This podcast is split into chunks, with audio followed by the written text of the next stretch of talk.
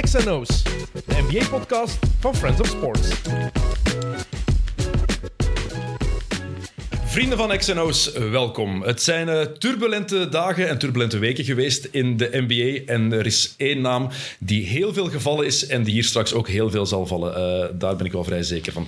Los daarvan is het sportief ook leuk in de NBA. Zijn er daar ook heel veel toffe dingen gebeurd, veel toffe dingen om over te praten. Denk maar aan de Young and Gunning Cleveland Cavaliers. Wat een heerlijke ploeg om te zien. Of de verrassende Utah Jazz, die nog altijd helemaal bovenaan meedraaien in de Western Conference. Ook al willen die eigenlijk zoveel matchen verliezen. Het gaat interessant worden. Uh, het is al een heel tof seizoen, uh, heel onvoorspelbaar. En mijn gast van vandaag die is ook soms onvoorspelbaar. Uh, een van de favoriete gasten van de XNO's luisteraars. Maar los daarvan, een hele schone mens. cruciaal onderdeel van de best beluisterde en meest populaire podcast van ons land. heeft zijn eigen programma op Radio Willy. Ik ga nog heel veel dingen vergeten, maar hij zit hier vooral om te zeveren over de NBA. Andries Bekkers, welkom. Blij dat ik terug ben. Uh, is het raar om niet in uw eigen zetel te zitten, of is dat wel uw zetel?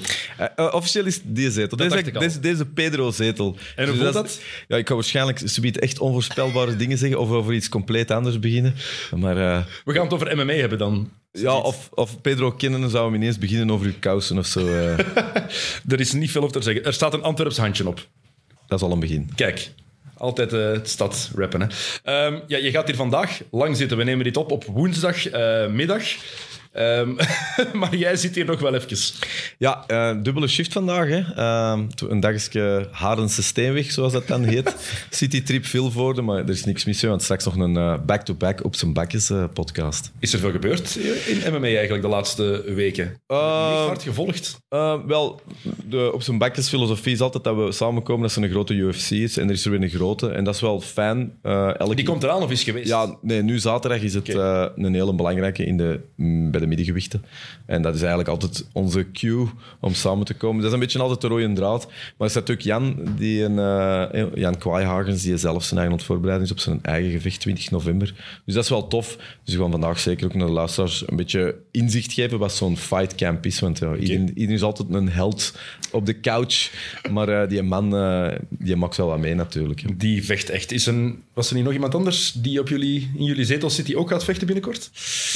Heb ik niet zoiets gehoord? Uh, Pedro en Robin? Ja, ik dacht, ging Robin ook niet zoiets doen? Uh, wel, ik, ik, Robin en Pedro hebben wel een enorme drang om altijd uh, te gaan vechten. Maar ik, ik, geloof wel, ze zijn altijd terug wel aan het trainen. Wij alle drie eigenlijk. Het is een beetje triestig, was in onze midlife. Maar jullie kunnen tagteamen. Wel, er is jij, met, jij met de Jan? Of jij met de Robin tegen... Ja, wie ja, er tegen de Jan ja, ik, train wel regel, ik train regelmatig met de Jan. Dus ik kies sowieso de Jan. Iedereen zou die kiezen, denk ik. Ja, ja, ja. Oké, we zitten hier niet alleen, uh, want uh, Gilles Meulemans is er ook bij, achter de knoppen. Dag Gilles. Hey. Hoe is het met jouw MMA-kennis? Uh, die is heel beperkt. Is het waar? Ja, mijn excuses. Conor McGregor is trouwens het nieuws gekomen gisteren. Ja. Die wil blijkbaar Liverpool kopen. Heeft hij daar het geld voor? is dat niet... LeBron is ook een aandeelhouder van Ja, maar dus dat concern gaat Liverpool verkopen. Ah, ja, waar okay. LeBron onderdeel van, ja. van uitmaakt. Fenway, denk je dat het heet. daar gaat hij, gaat hij van weg. Um, die gaan weg uit Liverpool, die wil dat verkopen. En blijkbaar, hoeveel zou de club waard zijn? 5 miljard. Ja, uh, uiteraard interesseert me dat wel, maar je voelt zo, uh, Conor McGregor, dat is zo de school van de grote sportentrepreneurs. Uh, ja, dat is gevoeld, dat zijn zo de dingen waar hij mee bezig is. Zal waarschijnlijk ook nog wel ergens anders aandelen hebben. Eerlijk, ik denk voor, voor Conor is het echt tijd dat hij nog eens echt iets sportief gaat doen. Want zelfs ik heb het een beetje gehad. En, uh, hij mag nog eens knokken. Hij mag nog eens knokken, ja. Okay. Uh, we hebben nog geen knokpartijen gehad in de NBA. Uh, Trey, Niet echt, hè? Trey Young en Williamson was... Uh... ja, dat is het meest oneerlijke gevecht dat ik ooit... Allee, dat was geen gevecht zelfs. Ik weet niet wat dat was. Ja. Zion stond daar gewoon en Trey Young liep er tegen. Verloor zijn bril. En begon dan nog wat graaf te doen. Ja, maar bij mij, uh, Trae Young, er zijn veel redenen waarom dat Trae Young bij mij enorm veel treden gestegen is. Sportief sowieso, maar dat is een beetje saai, want dat kunnen we allemaal zien. Maar dat moment was dat in Madison Square Garden, denk ik, die geweldige foto, dat hem zo eigenlijk een, een hele tribune eigenlijk geen look geeft, die cold look. Weet je welke foto dat ik bedoel? Ik weet wat je bedoelt. Dat, ik was, ik was, dat is iets... Ik was er. Je was daar? Ja. Echt? Ik was toen in... Uh was het die match, dat hij, er, hij had er toen 45, denk ik, of zo. Ik ben gaan kijken, ik, ben, ik heb niks Hawks gezien. En dan heeft hem ook... eh ah, of heb je het over de match dat hem... Die diepe, was in de playoffs, die, hè? die diepe buiging. Ja, Nee, het is- oké, ik, heb, de- ik heb regu- een regular season match gezien, maar daar heeft hij er ook 45 gemaakt. En dan, dan, dan Ja. was het ook... ehm, Ja, het is een schitterende foto. Als je hem eigenlijk zou hem moeten kunnen inkouden, want hij, hij, is zo van, van dat Bill Murray kingpin haar. Ja, zo, zo, zo, wat wat heet hij eigenlijk nog? Zo, Ja. zo wat wol op zijn hoofd. Een beetje schaam maar op zijn hoofd. Ja. Sorry dat ik het zo zeg, maar het is wel zo. Hè? En, en hij net weer zoiets, ja, net weer eh, een ongelooflijk punt gemaakt of zo. En dan zie je hem zo weglopen en je ziet eigenlijk zo semi-geblurred een heel tribune die kapot willen maken. En dan zo dat half kijken. Ja, dat is poëzie. Hè? Ja, het is ook poëzie om te zien dat die eh, mensen een beetje naast zijn schoen is beginnen lopen nadat ze de conference finals hebben gehaald en sindsdien eigenlijk maar nee zijn. Sorry, Trae Young. Zwaar, maar laat het misschien nog eens wat meer zien eerst met je ploeg ook, in plaats van al te denken dat je een, eh, een All-NBA-speler bent. Wat nog niet het geval is. absoluut. Vind ik. Eh, maar goed, dat moment tegen, tegen Zion was fantastisch. Ja. Voor mij was het ook perfect dat het Trae Young was van hier, nietig manneke. Kijk tegen wat voor een muur dat jij opbotst. Ja, en ik was vooral blij dat we, dat we Zion terug zien. Ja. Want hij is wel, hey, wel lekker bezig of zo. Tuurlijk, dat, die, dat, is- dat sprongvermogen. Defensief mag, hem, mag hij wel zijn best een beetje beginnen doen. Ah, het is beter dan het was voor hij geblesseerd geraakte, maar het is wel nog altijd heel slecht. En maar echt heel slecht. Ja, maar ik vind wel, het is wel het soort speler. eh, hij heeft toch die X-factor. Tuurlijk. En, en, en, en ik vind ook, ook het uiterlijk en, en zo. Ja, een powerhouse, hè, letterlijk. Hè. Maar je wil, als je ziet dat de Pelicans spelen, heb ik toch tenminste op League Pass, ik ga altijd even kijken. Gewoon even om te zien, het is een toffe ploeg sowieso, wat zijn met, met Herb Jones, met Brandon Ingram, ehm, met Zion, met Valanciunas, van gewoon even kijken, wat zijn ze aan het doen? Ja. En dan zorgt Zion ervoor dat je eigenlijk nog langer blijft kijken, heb ik toch. Wat is, dat is wel, ik vind het wel interessant dat je dat zegt, want je hebt zo'n aantal van die ploegen. Hè, John Morant, de Grizzlies hebben Ja. dat ook. Dat zijn zo van die ploegen. ehm, je hebt dat in nog sporten. Je weet dat die dat waarschijnlijk niet gaan halen. Dat dat zo net niet is. Maar toch geven die de, de league kleur. Hè. Ja, toch wil je die zien. Ook al is het niet goed genoeg. Ja, spelers hè, zorgen daarvoor. Hè. Bepaalde individuele spelers of een cultuur van een ploeg, die zorgen ervoor dat, dat, je, dat je daar even naar wil kijken. En Zion, die, ah, die aantrekking van die gast. Denk je, is er wel iets, dat is, dat is misschien een vraag nu of zo, maar dat zijn ongelooflijke lief, eh, ah, liefhebbersploegen. Ja. Hè, De Bulls hebben dat ook even gehad, vond ik vorig jaar. Nu wel weer iets het begin minder. vorig jaar. Ja, zo hè, toen eh, de Mar, dat hij zo net kwam, dat je denkt... twee game winners Ja. op rij van de Mar. Waar ontbreken die ploegen dan altijd om toch niet die finale te winnen? Is dat dan soms dat die toch wat te onstuimig zijn en te veel... Maar niet, vaak niet goed genoeg. Gewoon. Dat is al één. Hè. Gewoon letterlijk niet genoeg kwaliteit in vergelijking met de andere topploegen. Dat is één. Ervaring. Als je kijkt naar New Orleans bijvoorbeeld. Ja, vorig jaar in de playoffs tegen Phoenix heel goede serie gespeeld. Zion was nog geblesseerd. En het is een jonge ploeg. Dus dat komt er ook bij. En Maar Phoenix, is toch wel, Phoenix is toch een beetje het Duitsland van het voetbal dan of zo. Vonden niet? Also, Phoenix Suns, zo, als ze zo... Maar Duitsland wint wel vaak, hè? Ja, Phoenix net niet. nee. Phoenix net niet. Allee, Duitsland, wanneer zijn ze nog wereldkampioen geworden? Nou, dat is ook al acht jaar geleden. Nee, maar je weet ik wil zeggen. Zo'n Ja. Devin Booker is daar een goed voorbeeld van. Hè. Dat is fenomenaal, maar je kunt daar geen tien highlight reels... Oerdegelijk. Ja, Ja. en dan voelde toch dat dat... Het spreekt minder tot de verbeelding. Ja. Dat is het. En dat is het verschil met vaak... Kijk naar, ik kijk nu heel graag naar Orlando, want ik vind Paulo Banquero fantastisch om te zien. Maar Orlando gaat de playoffs niet halen, hè? Maar het is wel een toffe ploeg om bezig te zien, om dingen om, om, om gewoon aan het werk te zien. Maar dat betekent niet dat hij dat succes gaat, gaat halen. Dat is een groot verschil natuurlijk. In basket kan je heel enorm verliefd zijn op een ploeg die, waar niks van komt. Kijk naar Jason Williams vroeger bij de Kings. Ja. Geen winning player.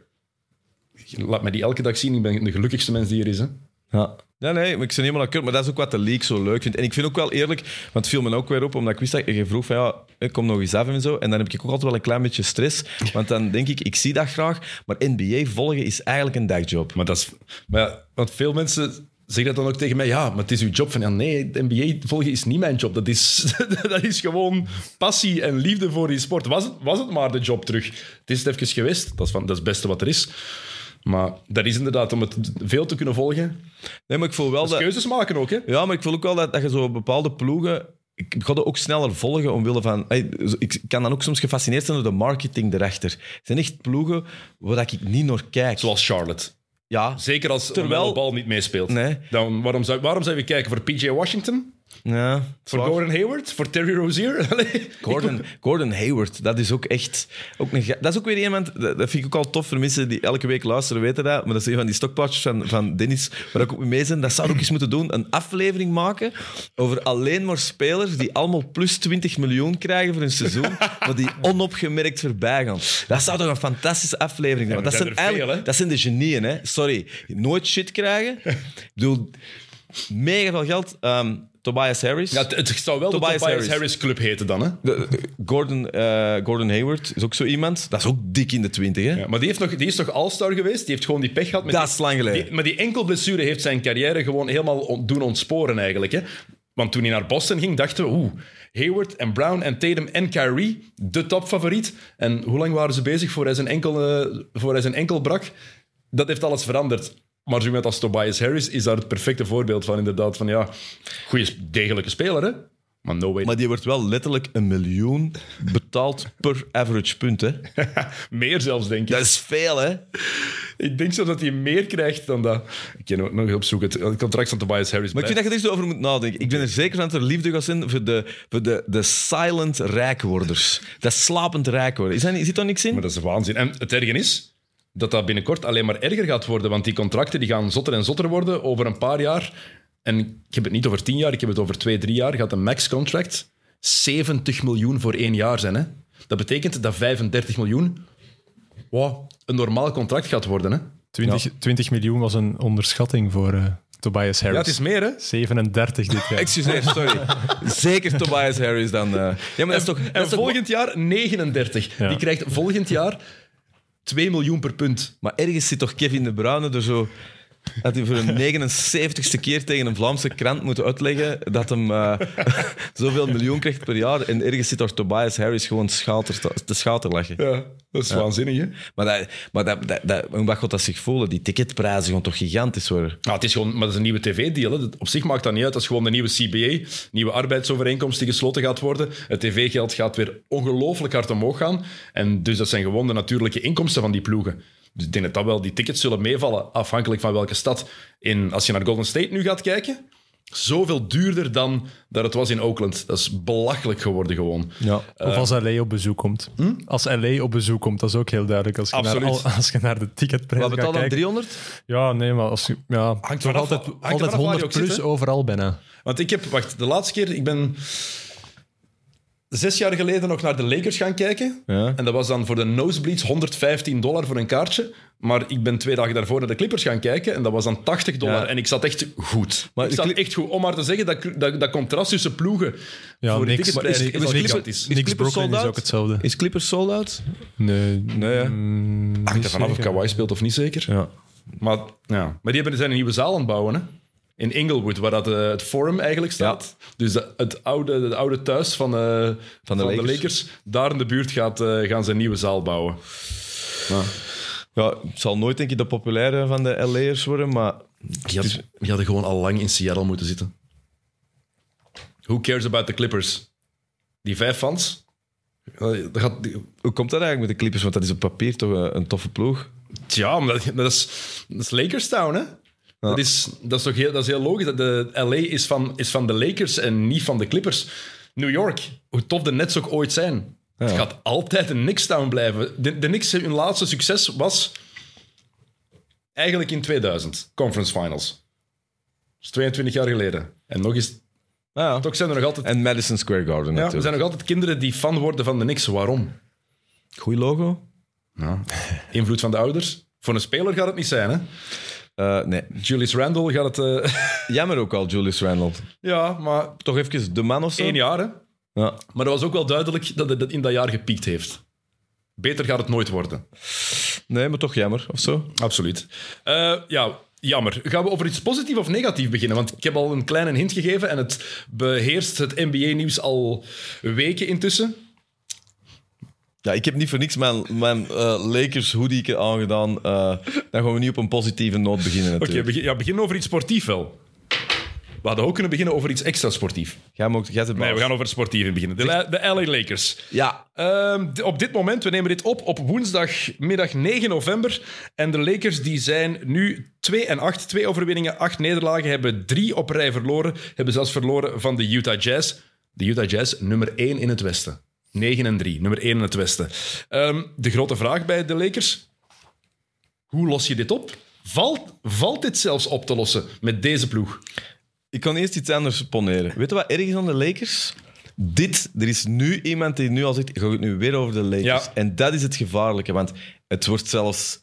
Het gaat ge- gewoon worden. Maar het, de, over de Lakers praten is als het over de Premier League gaat.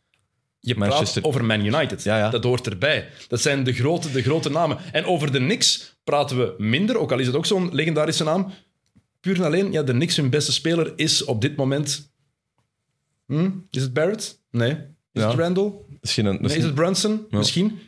De Lakers hebben LeBron James en Anthony Davis. De Lakers hebben de op één na beste basketballer aller tijden. Ja, en ze staan onderaan. Dat zorgt ervoor dat er over gepraat wordt. Ik weet het, maar geef toe toe dat het... ehm, ik, ik, wat ik er nu mee heb, is zo van... Vorig jaar hadden nog zo, was er nog de verbazing en het Ja, ja. klopt niet, maar had nog de spanning. Maar nu voel al... Het is moeilijk om... Je, je weet dat dat niet goed gaat zijn. Maar het is dan ook niet slecht genoeg. Dat gaat echt zo een, een ploeg worden voor de volgende seizoenen, denk ik, als er niks om veranderen, waar dat minder en minder over gepraat gaat worden. Ik denk dat er over de Lakers altijd veel gepraat gaat, gaat worden, sowieso. Maar het- wat bij de Lakers ook altijd het geval is, zeker dit jaar...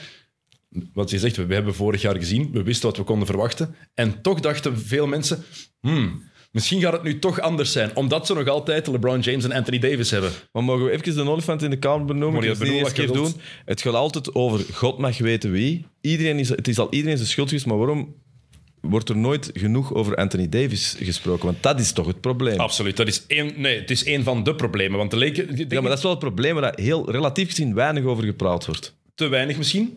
Ja, maar het, ik denk, dat we, denk dat we er vooral hier al genoeg over, over, over gepraat hebben, over Anthony Davis. Want hij is nog altijd log. Het is niet meer de Anthony Davis van vier jaar geleden, die fysiek alles aankon. Oké, hij had ook wel wat blessurelast, maar je zag wat die gast kon zijn. Ja, maar wordt zelfs niet meer over gehad. Dat was, de eerste keer dat ik hier zat, was aan een top 5 speler. Ja, en dan nu, ja, het shotpercentage nog, wat is het? 28% van achter de driepuntlijn. 54% in totaal, maar hij durft in de tweede helft pakt hij bijna, van matchen pakt hij geen shots meer. Hij neemt geen initiatief in de tweede helft. Hij krijgt de bal ook amper. En komt dat omdat hij niet aangespeeld wordt? Biedt hij zich niet aan? Is hij niet agressief genoeg? De- ik denk dat het een combinatie van de twee Er is. zit aanvallend ook niks in bij de Lakers, vind ik. Nee, maar het is wel opvallend. In de eerste helft van de match krijgt AD de bal. Ja. In de tweede, en dan pakt hij shots in de tweede helft. De laatste drie matchen, laatste drie matchen denk je dat hij gemiddeld twee shots in, een hel- in de tweede helft heeft gepakt. Twee shots, Anthony Davis. Ja, nee hè. En behendigheid is ook anders. Ook. Totaal, want dat was altijd toch zijn grote kracht. Hè? De big man met, eh, met, die een beetje kon, like een guard kon spelen. Dat was toch wat zijn grote kracht. Dat zie ik ook veel minder. En ook, dat vind ik, dat vind ik wel jammer, maar dat vind ik minder erg. Eh, wat zeggen ze? Hoe zeggen ze dat in het Engels? Eh, dat je zo oud, you went old overnight. Ah ja. LeBron. Ehm, ik, ik, ik, ik, ik weet het niet. Ik denk, vorig jaar kon het nog blessures steken, maar nu heb ik ook niet het gevoel dat het zo erg was. En nu moest hem even uit, maar zo een paar keer niet meer 20 punten en zo halen. Is het voorbij, denk je? Ik durf, over LeBron durf ik dat nooit zeggen. Ga ik heel eerlijk zijn. Ja, maar dit heeft hem nog nooit meegemaakt. Hè? Nee, maar de cijfers zijn nog wel oké genoeg. Als je die cijfers bekijkt, het is nu ehm, 24 punten, 9 rebounds, 7 assists per match. Shotpercentage, wel maar 45%, achter de driepuntlijn 21%.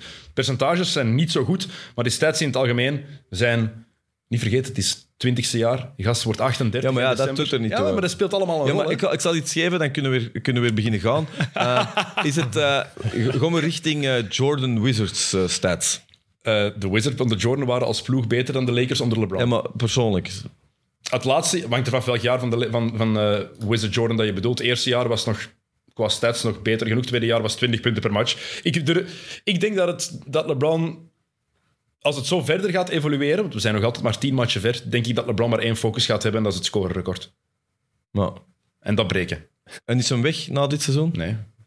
Denk, hij heeft, hij heeft Hij bijge- mag- hij heeft- hij mag- dit seizoen kan hij sowieso niet getrade worden. Nee, maar, het, Dit hij, seizoen. maar hij is volgend, volgend jaar ook kan hem toch weg? Nee, hij heeft bijgetekend. Hè? Hij heeft bijgetekend, dus hij, blijft, hij is hierna... Ja, ja. Hij blijft hierna sowieso nog één jaar bij de Lakers. Ah, maar ik dacht dat dat zo'n zo'n eh, optie ding Nee, het was. jaar daarna is de optie. Ah, oké. Dus hij heeft- dit is nog zijn oude contract Ja. dat hij nu heeft. Maar omdat hij bijgetekend heeft afgelopen zomer, kan hij niet getrade worden nu. Ja. En dus volgend jaar ligt hij sowieso nog onder contract. En in de zomer van 2024 heeft hij die optie die hij zelf kan lichten of niet. Ja. Maar dan ik ook las, dat ik ook wel interessant vond, was zo... ehm, is, is er ook niet een era van de, de grote... Het is Kevin Durant ook, hè. Zo de, de tijd dat je zo met de sterspelers het wel kon fixen, dat is toch echt definitief voorbij, hè?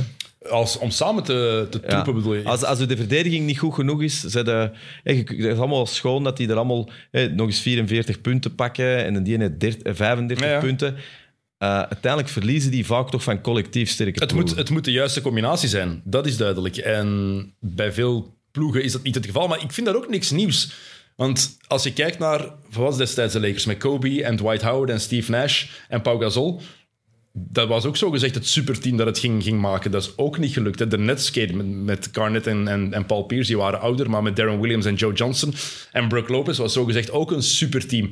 Dus het is kwestie van dat het moet, dat het moet ook klikken en werken. En dat maakt het, het hele Golden State Warriors met Kevin Durant verhaal eigenlijk dubbel zo indrukwekkend. Ja, het is niet eerlijk op papier, maar het moet op het veld ook nog wel werken. En daar werkte dat omdat ze met een superster zaten die gewoon super altruïstisch is, met, met, eh, met Stephen Curry Ja. en Kevin Durant, die zich ook wel... toen, ook toen anders dan nu. Ja, maar die zich wel opzij, altijd wel opzij heeft kunnen schuiven. Dat is nooit iemand geweest die heeft gezegd, het, ik moet het nu allemaal doen.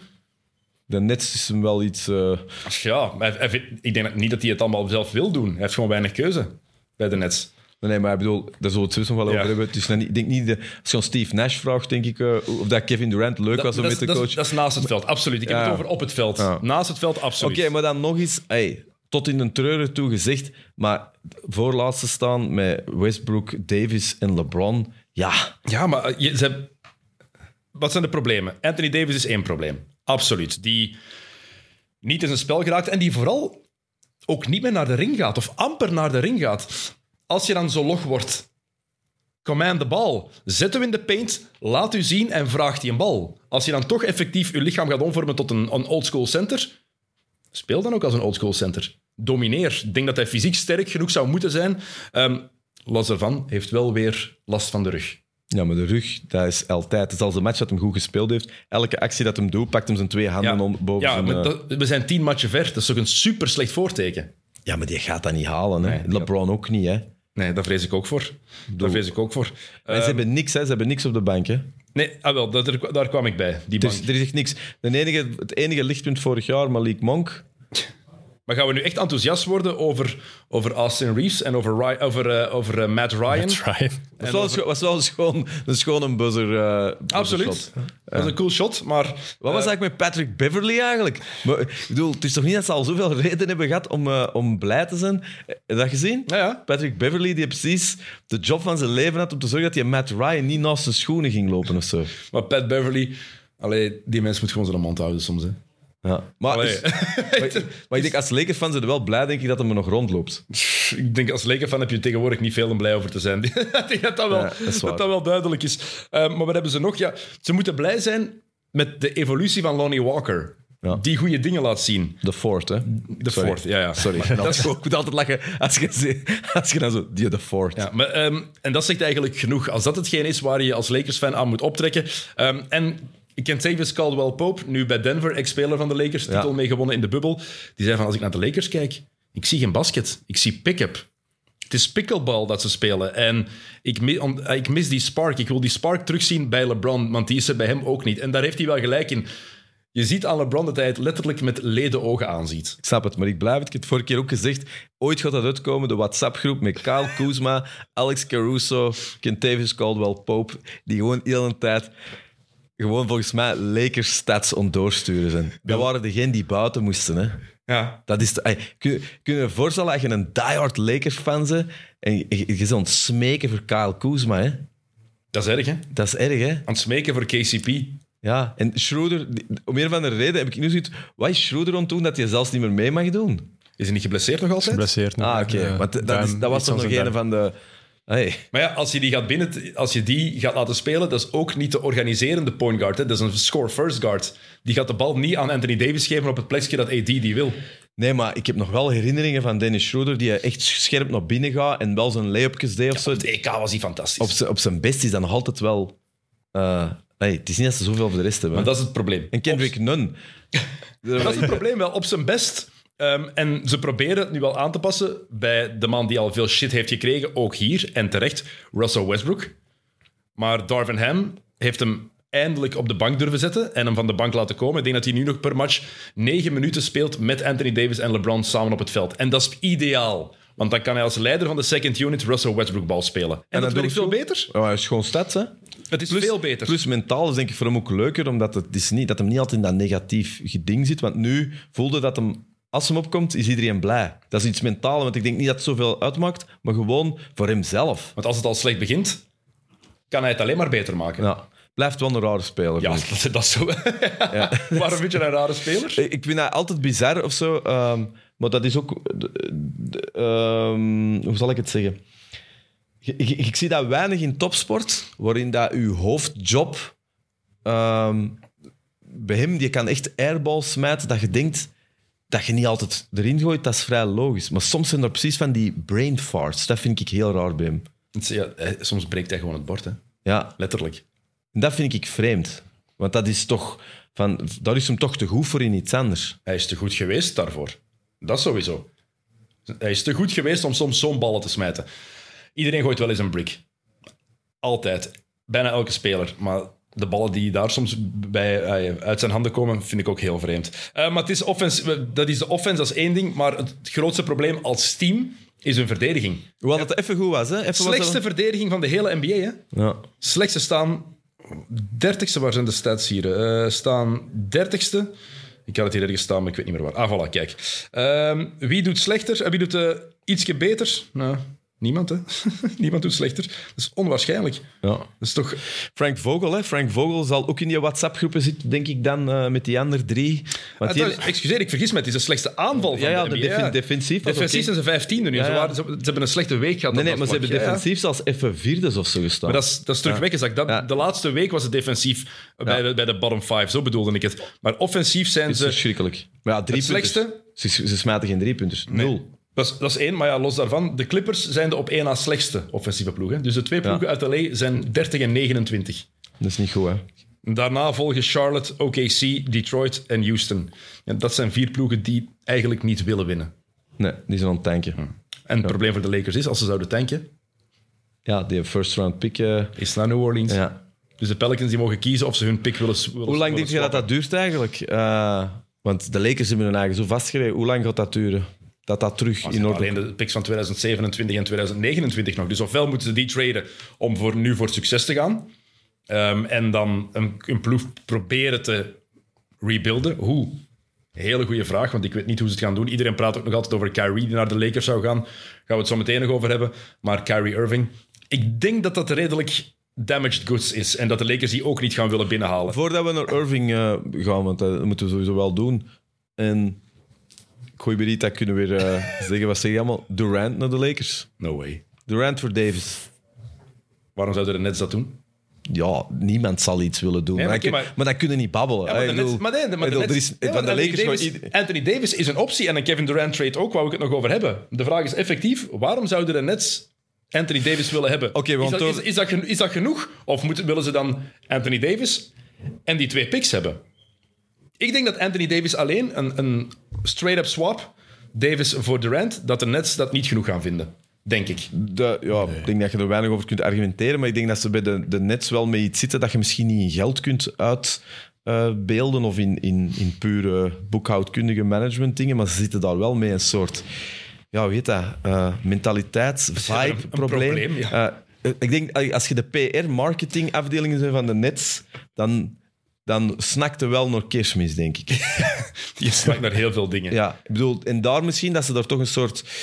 Ik weet niet, want van Davis kunnen veel zeggen, maar dat is wel een. allee, er is weinig schandaal rond, hè, rond Ja, maar is niet- dat is, dat is je, je, je kan niet op hem rekenen. Hè? En dat is het probleem. Je, kan, je, je, gaat, je gaat niet een van de 15 beste spelers ooit en nog altijd top 10, top 15 speler op dit moment ga je niet traden voor een gast waar je van weet van ja, maar je hebt de laatste drie jaar amper op het veld gestaan. Tenzij dat je die picks erbij krijgt, bijvoorbeeld, dan zijn er andere opties. Maar Maar de Lakers zouden dat toch direct doen?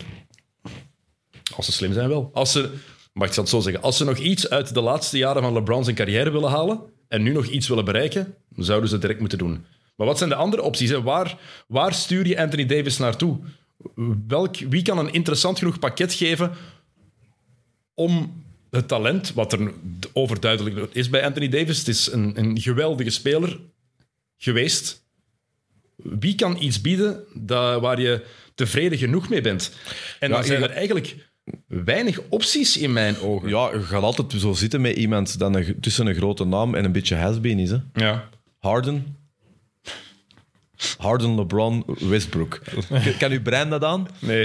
Ik weet ook, Daryl Morey, Daryl Morey gaat ook nooit afscheid nemen van, van James Harden. Daar ben ik vrij zeker van. Die gaat hij nooit laten gaan. Ja, maar gewoon, al is het maar, dan kunnen we afvinken. Dan kunnen we wel afvinken hoe zou het zijn. En dan ga je sowieso weer acht afleveringen voor volgend seizoen. Ik denk mee, hè.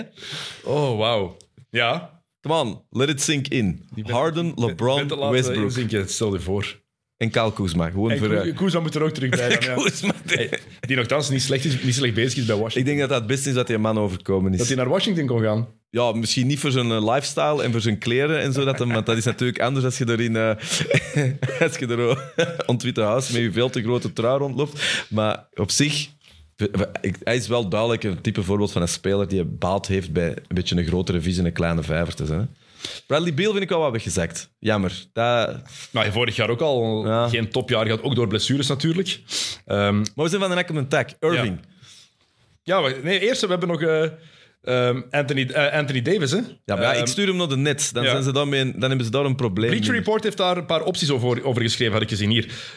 Eén optie is inderdaad de, de Nets. Lakers krijgen dan Durant en de Nets zouden Anthony Davis en hun eerste ronde pick in 2029 krijgen. Maar ik vind dat de Lakers gewoon moeten stoppen met die picks. Ik vind ook dat dat moet zijn, gewoon, die geven al hun picks weg. Andere trade-optie voor Bleacher Report. Eh, Lakers krijgen Zach Levine, Patrick Williams, Goran Dragic en een eh, eerste ronde pick van 2023 voor Anthony Davis. AD naar huis naar Chicago. Dat gaan de Bulls toch nooit niet doen. Oké. Volgende. Wat was Levine? Levine, Patrick Williams, Goran Dragic en een first-round pick.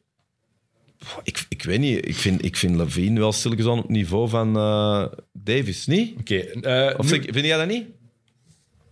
Ik heb niet Ja, intrinsiek. Nu. Intrinsiek niet, maar Anthony Davis Nu. is zo onbetrouwbaar fysiek, op fysiek door zijn blessures en doordat hij gewoon niet meer de speler is die hij was, dat hij... En Levine scheelt niet zoveel, hè? Dat is wel nog altijd. Dat is... Wat intrinsiek wel, hè. Intrinsiek is Levine, komt nog niet aan, tot aan de enkels van... van Ja, maar nu. Nu, ja. Andere optie. De New York Knicks. Oei. De Lakers zouden dan RJ Barrett, Mitchell Robinson, Obi Toppin, Quentin Grimes ehm, en dan een paar picks. Één, En een paar schoenen van Ewing of zo. Dat is echt alles. twee, drie picks, vier picks krijgen voor Anthony Davis. Als ik de niks ben, doe ik dat niet. Nee. Nee, hè? Maar ik vind Davis, Davis zijn waarde is nu toch, Gezakt. is toch Laatste echt optie is voor u. Uw ploegske. De Mavericks. Of? Dallas Ja, Mavericks Ik moet hem niet hebben. De Lakers krijgen Christian Wood, Spencer Dinwiddie, Reggie Bullock en de unprotected first round picks van 25, 27 en 29 en swaps in 24, 26 en 28. Maar de Mavs zouden wel eens beter grote kuis maken, want... Maar ehm, Ik voel Anthony frustratie. Davis moet ik niet, moet ik niet Ja, hebben. Doncic en eh, Davis. We toch ook wel eens zien. Nee. Nee? Een gezonde Anthony Davis en Doncic toch elke dag van Dat de is, week. dat is toch een vervelende ploeg om Dat tegen te zeiden, we spelen, ook, denk o- ik. dat zeiden we ook over Porzingis en Doncic. Hè? Ja, maar ja, oké, Anthony Davis heeft dat wel iets bewezen. Hè? Ja, ja. Porzingis heeft één goed jaar gehad en toen heeft hij zijn knie kapot gemaakt. En dat was het. Ik moet hem niet hebben. Oké, ja, dat is goed. Oké, duidelijk. Eh, goed, ehm, gaan we het eerst nog hebben over... Ik heb nog een andere slechte ploeg opgeschreven. Of gaan we meteen over de hele Jij is de baas. Jij Ik de vraag als gast... Nee, dat is, ik, Irving weet ik wat gaat zijn. Dat gaat een maatschappelijk debat zijn. Dus dat kunnen we misschien nog even beter uitstellen. maatschappelijk debat. Ik denk dat we vooral allemaal heel dezelfde mening gaan hebben daarover, denk ik. Ehm, ja, het gaat over ploegen die niet goed zijn. Ja, de Golden State Warriors. Sorry, ze zijn niet, goed- zijn niet goed aan het spelen. Maar dat komt goed. Maar ze zijn, dat komt de, goed. de bank is een ramp. Die bank is echt een regelrechte ramp dit jaar. Ehm, Jordan Poole is gewoon niet goed aan het spelen. Komt dat door dat, dat eh, Draymond Green die zijn gezicht heeft proberen breken? Misschien heeft dat nog wel een impact. Ehm die jonge gasten, Moody, Kuminga, het komt er niet helemaal uit. James Wiseman is een absoluut... Dat is echt een ramp. Echt, dat werkt niet. Is hem eigenlijk, buiten dat eerste jaar dat, ze, dat, we, dat we elke keer moesten horen hoe beloftevol het was, heeft hij eigenlijk echt een goede moment gehad? Wiseman? Ja, maar zo momenten. Nee. St- Niks. Ja. Potentieel, we we waren, ik was zeker hoopvol. Maar als je nu ziet wat hij doet... Hij is niet beter dan Hashim Tabit. En hij is terug uit de rotatie hè, bij momenten. ja. Keur houdt hem er gewoon Maar uit. dan moet er... Waarom stuur je die niet naar de G-League? Waarom laat je die niet in de G-League spelen? Geeft hij daar 30, 35 minuten per match en geeft hij daar effectief de kans om zich te ontwikkelen en te domineren? Want hier, hij zet screens, hij rolt naar de ring, hij probeert, maar defensief, hij is gigantisch, maar hij stoort niemand. Hij, is- hij staat nooit in de weg, hij gebruikt zijn lengte niet. Ja, als je dat al niet doet... Is hij met de licht? Maar ik denk, ik vind die fysiek redelijk stevig, eerlijk gezegd net. Hij speelt, te- hij speelt alsof hij te licht is. Nee. Dat zou niet mogen gebeuren. nee. Ehm, Hoe ziet het? 240 pond. Ja. Maar het gewicht moeten ze nooit helemaal Nee, juist zetten. Hè? Nee, dat hebben ze blijkbaar. Ja, en dat zie je ook wel. Hij is geen... eh, dat hebben de Timberwolves gedaan trouwens wel. Die hebben het echte gewicht van Anthony Edwards deze zomer erop gezet. En daar was Edwards niet zo blij mee. En wat was dat? 300? Maar wel te veel. Edwards is niet zo fit aangekomen. in Ja, nee, nee, tuurlijk. Want eh, de andere, Carl Anthony, dat is toch de reden waarom... Hey, Over Popeyes. ja, ja, dat is toch... Hey, Daar is de sfeer ook niet al te best. hè. Daar is de sfeer. Het, eh, het passief-agressief zijn viert daar een hoogtij. We zijn echt veel van de hak op de tak, maar dat is wel een schoon moment. Zo gewoon handjes op de, op de heupen. Ja, want, want tegen wie was het? Anthony, Anthony Edwards tegen eh, de Rockets. Ja. Staat hij gewoon tijdens een aanval de hele tijd te kijken. Met zijn handen op zijn heupen. Gewoon te zien wat er gebeurt.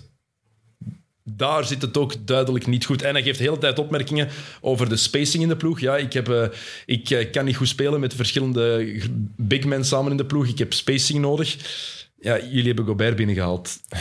Redelijk gevaarlijk. Ehm, dan inderdaad over het eten. En eh, Carl Anthony Towns heeft daar nogal subtiel, niet zo subtiel, uitgehaald naar eh, Anthony Edwards' zijn eetgewoonte.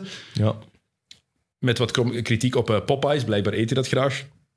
En Vind, jij dat man- vind jij dat een goede manier? Natuurlijk niet, los het in de ploeg op. Maar dat is- als je dat zo in de pers zegt, over elkaar ook, en Edwards die het zegt over eh, de spacing, die blijkbaar aan de persman vraagt, ehm, terwijl alle andere journalisten dat kunnen horen, zeggen ze aan die mannen dat die niks mogen vragen over, over spacing en over hoe dat wij eh, tactisch spelen, want ik wil daar niet op antwoorden. Omdat hij weet dat hij er eerlijk over gaat zijn en dat het niet goed is. En dan heb je ehm Carl Anthony Towns, die duidelijk geen nummer één optie is, maar zich wel zo voelt. Ja, dat is ook... Ja, maar dat is een probleem in een ploeg. als het niet ja. duidelijk afgebakend is, als het niet duidelijk is wie welke rol heeft, dan is het een probleem in een NBA-ploeg. En dan is er nog Anthony Edwards, die zegt... Heeft, eh, had nog niet gedunkt. Heeft hij nu al wel gedunkt? Jill, weet jij dat van buiten? Zoek eens op als je wil. Maar die dan gezegd heeft van ja, ehm, ik, ben, ik, ben geen, ik ben niet Janis, ik ben maar 6 foot 4, 6 foot 5. Dat is nogthans even groot als Vince Carter ongeveer altijd is geweest in zijn carrière. Ehm, ik kan niet zomaar ehm, in de lane gaan en, eh, en over iedereen dunken. Zeker niet als de lane zo vol zit. Weer een subtiele verwijzing naar dat ze met Ja. big men spelen. Wat onzin is trouwens. Hè. Je kan Ja. met gemak... ah, met zijn... Hij heeft, hij toch heeft powerhouse. maar hij heeft gewoon dit jaar nog niet, omdat hij gewoon nog niet fit is, heeft hij nog niet die, die detonatie. Hij kan nog niet naar die ring springen. Ik, ik blijf er wel straf. Het is natuurlijk niet alleen basket, maar op dat niveau, voor die lonen, dat daar... Worden die dan zo vrijgelaten off-season? Ja, absoluut. Nou, want in voetbal, ey, er zijn, we gaan het er niet over hebben, maar er zijn ook een aantal voorbeelden van mensen die echt uit de ploeg zijn gezet, gewoon omdat ze niet klaar waren. Ja, Ja. Of die niet meer in de ploeg komen, Eden Hazard, omdat Ja. ze niet klaar geraken. of Raja of zo, dat soort. Ja. bedoel. Maar dan vind ik dat toch zot bij... eh, met, met, met Davis heb ik dat ook wel, ze. Dat je toch ook voelt, zeker als je dan een LeBron, waar je alles van kunt zeggen, maar niet dat. Maar Davis is niet... Heeft geen, Davis is te sterk geworden, is, heeft te veel gebulkt. Het is, Davis is niet door te veel te eten. Zoals bij, bij Lucas soms zag je... Jij hebt, deze zomer, jij hebt genoten deze zomer. Ja. En bij Anthony Edwards ook. Dat gevoel heb ik bij Anthony Davis nooit gehad. Nee, maar je hebt niet het gevoel dat, dat er op dezelfde manier naar die zijn lichaam wordt gekeken dan naar LeBron naar zijn lichaam Bron kijkt. zorgt er beter voor. Ja, en dat vind ik straf dat dat dan toch niet overgaat of zo. Anthony Edwards, dunks, bedankt, want ik ben eens heel diep in de basketball reference eh, mogen, mogen duiken. Twee. Heeft er twee dunks? Ah, oké. Eh, Een echte of zo van die, ik laat hem vallen. Eh, dat kan ik hier niet zien. Dat moesten ze echt afschaffen. Maar Sorry, mag ik dat even zeggen? Heb jij dat ooit gedaan? Zo laten vallen? Ehm, Word jij een macho dunker?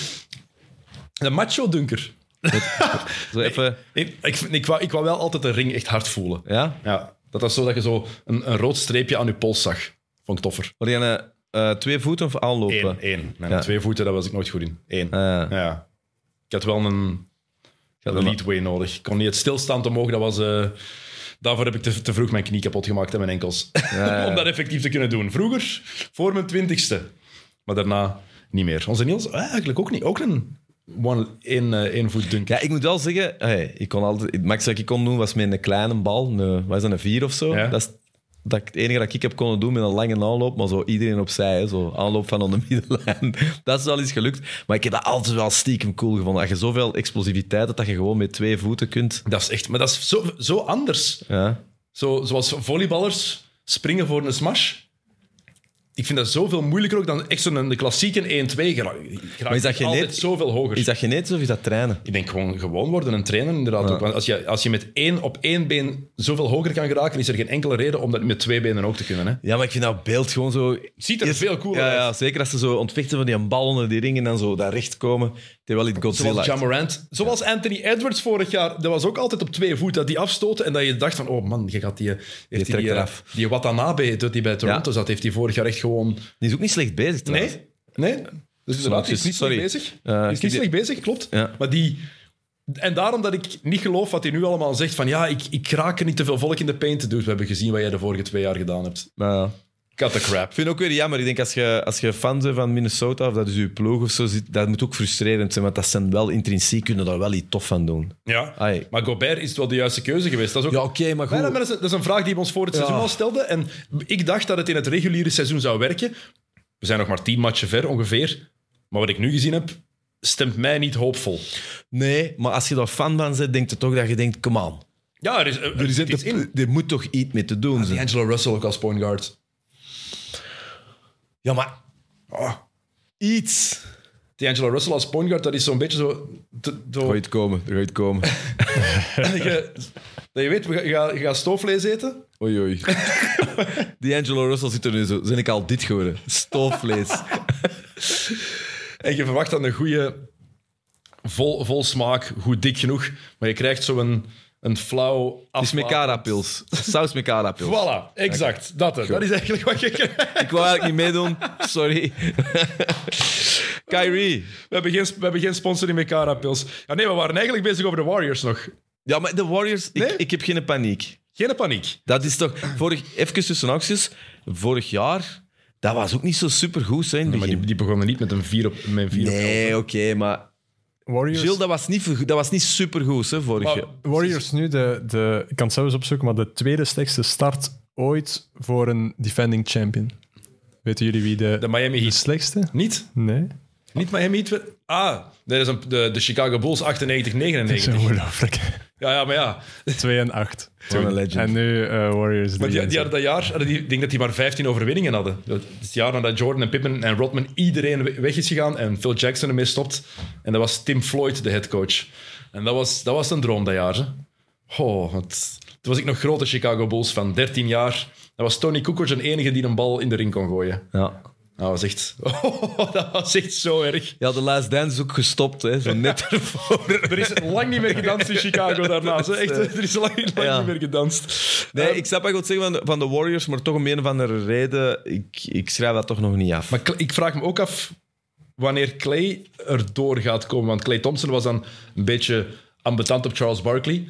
En ik snap het ook, want hij heeft inderdaad hard moeten werken. Maar als je zijn cijfers bekijkt, dit jaar Clay Thompson heeft 15 punten per match, drie rebounds, nog geen drie assists. En dan zijn percentages. 32% van achter de driepuntlijn. 36% field goal percentage. En defensief kan hij ook niet meer Ik denk dat dat nog een beetje naar boven zal gaan, die procenten van dat shot, dat denk ik wel. Maar ik denk dat, dat dit zal het zijn post, eh, post-miserie. Ik hoop dat het nog iets beter gaat worden. hey, die, lang weg geweest, hè. Ja, Maar ook wat voor blessures. Ja, ja. Achillespees en voorste kruisband.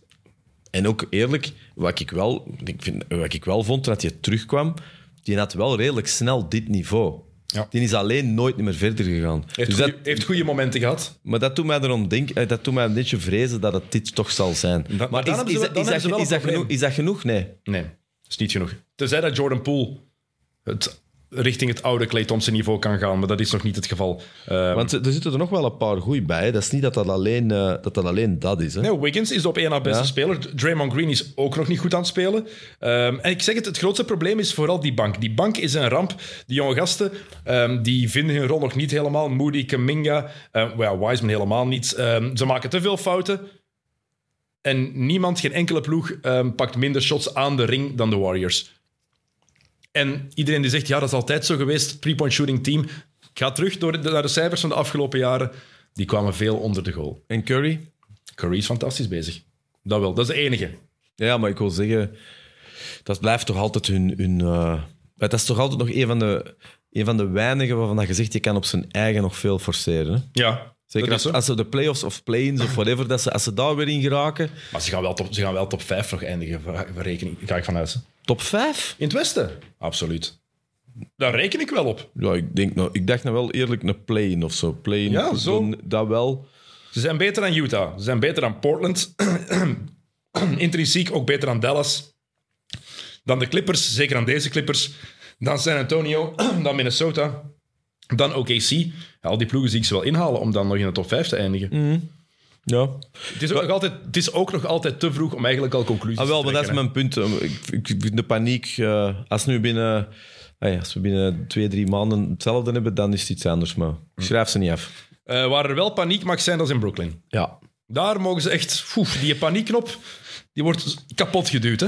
Ik was een aflevering aan het zien van eh, ai, Bark, NBA Insider zeker, TNT. TNT, ja. En eh, dus het ging erover.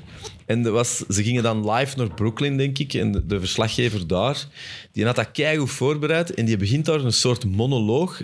Supersnel tempo, zo Amerikaans broadcaster tempo. En die doet een oplijst van wat daar de laatste 16 maanden gebeurd is. Maar dat was briljant. Die had dat overduidelijk ingestudeerd. Maar ik was er heel blij mee. Dat stopte niet.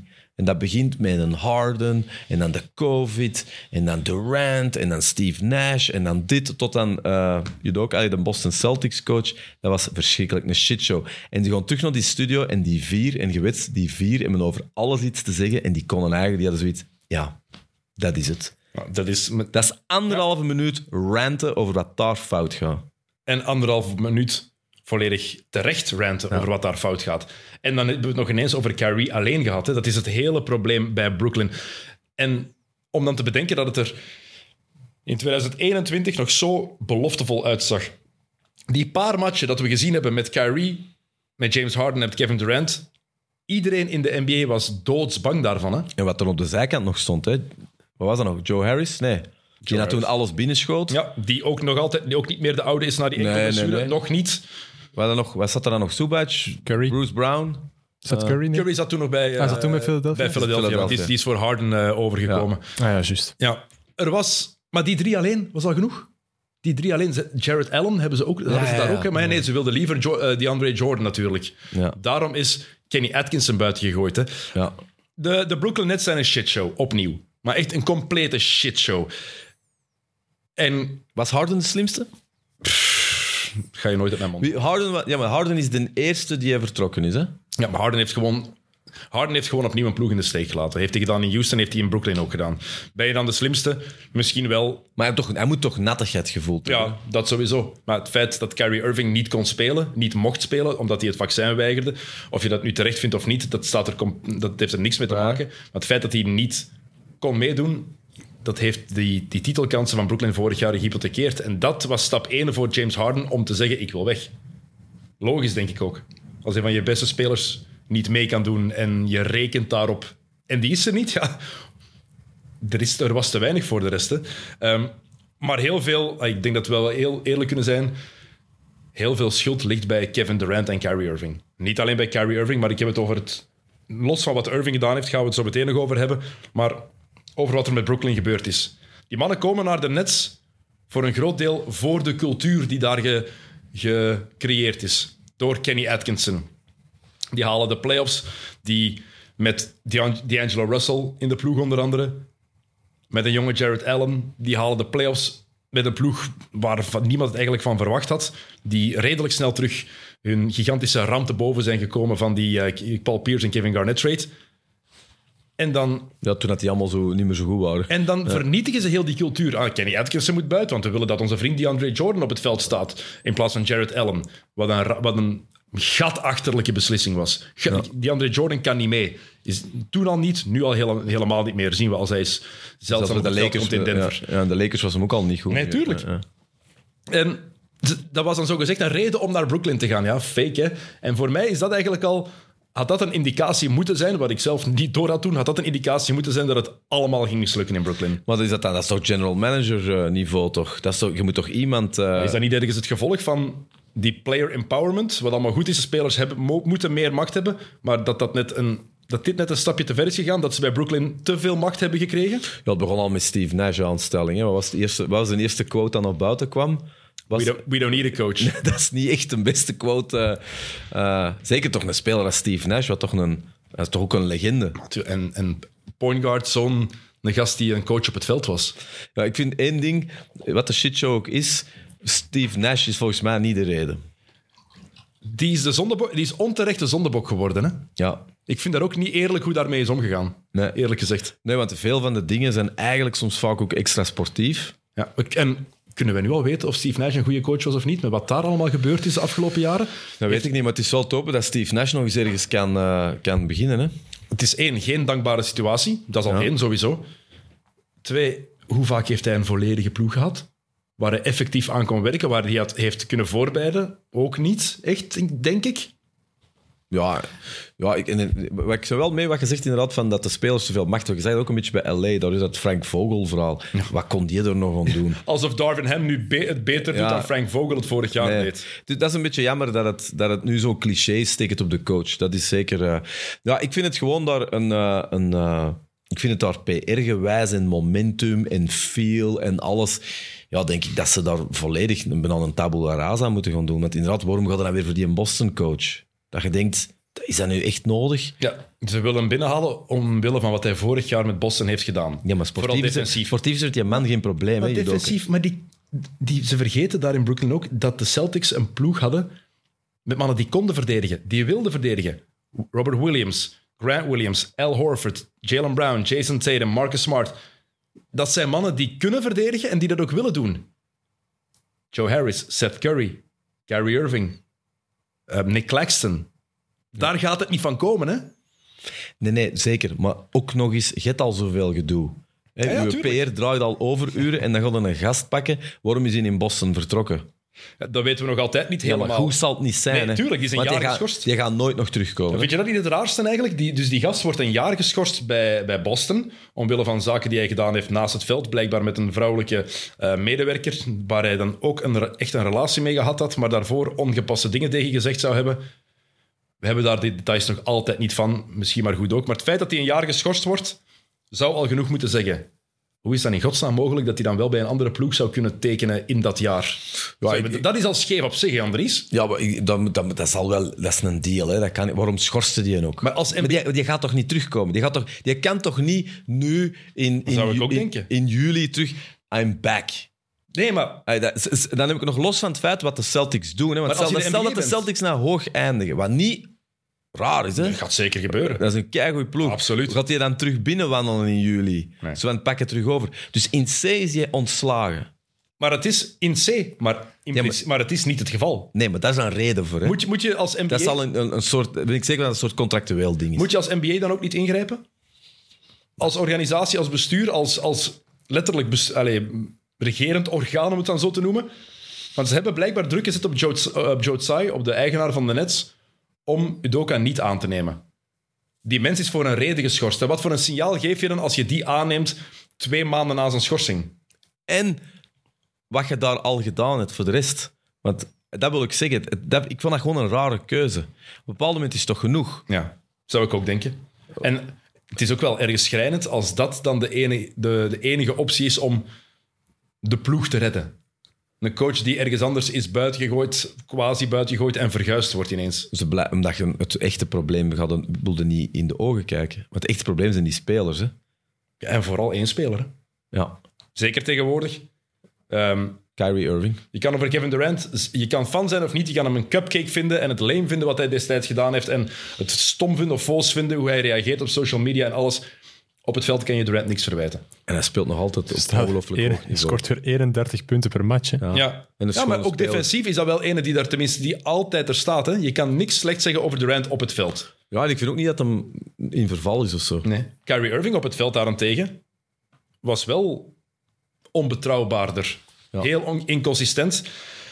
En dan... ehm, Het is de Kanye West, hè. Het is echt de Kanye West van basket ontworpen. En dat is hetgeen dat je...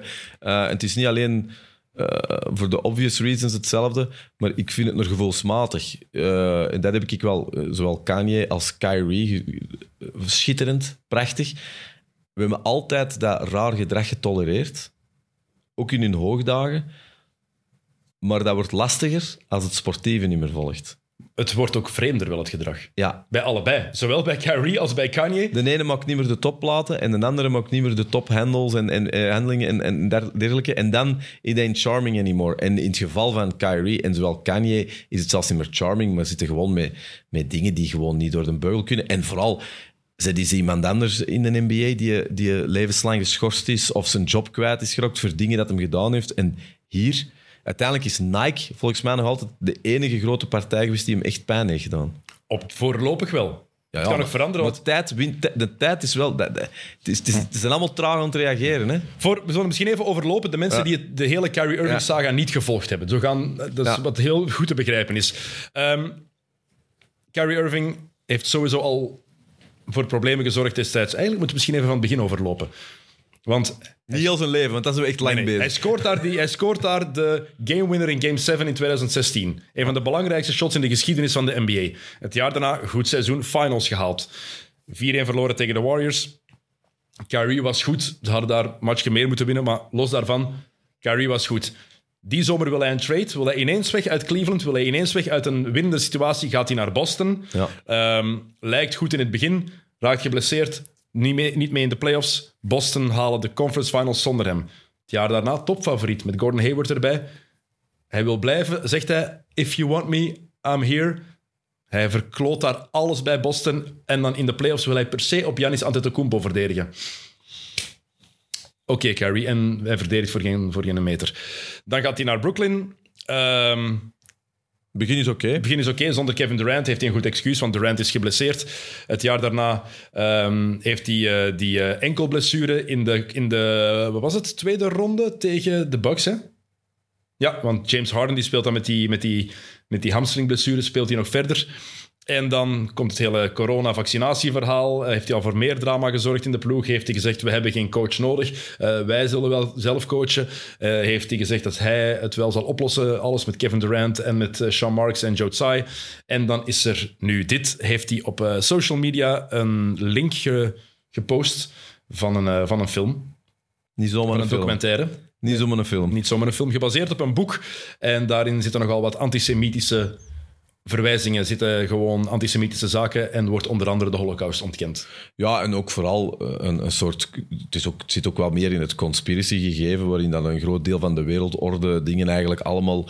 eh, want het is ook naar de zwarte gemeenschap toe. Het zet ook echt gemeenschappen tegen elkaar op. Hè. Het is, wordt altijd antisemitisch. Het is niet alleen dat. Hè. Nee. Het is echt de schuld van de onderdrukking van de zwarten en dergelijke. Het is echt... eh, Maar het antisemitisch is hetgeen dat er vooral is uitgesprongen. ja, Eh, het ontkennen van de holocaust is Ja. iets wat... eh, Omdat dat vatbaar is, maar dat is, Ja. dat is inderdaad, ja, dat zijn extreemrechtse conspiracy theorie, theorieën. eh, ja, waar dan natuurlijk Amerika, eh, we weten dat dat bestaat, Allee, dat, is niet, dat is ook geen geheim.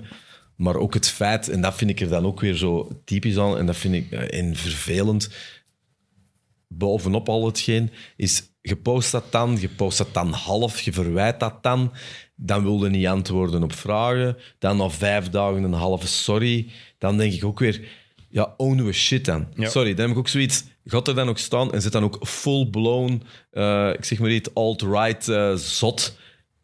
Snap je wat ik wil zeggen? Own- oh, dat is, Hm. Want, ik keur ja, dat niet goed, dat is verschrikkelijk, maar dit is zo, ja, wa, wa- wat dan? En als je het post, als je, die, als je die, die, die documentaire post, en zeker de manier waarop Carrie dat gedaan heeft, ja, dat is die film nu eenmaal promoten. Als jij met, met, met, de visibiliteit die je nu hebt, met Welcome to the EA onder andere, als jij een link van, van een, een podcastaflevering post, ja, dan promoot je dat automatisch ook. Anders ga je dat niet posten. Het is ook niet dat je sinds gisteren bekend is of zo. Hè? Nee, hij heeft genoeg volgers. Hè? Ik bedoel, het is net een met de vaccin gezeik dat hem niet weet wat zijn impact is.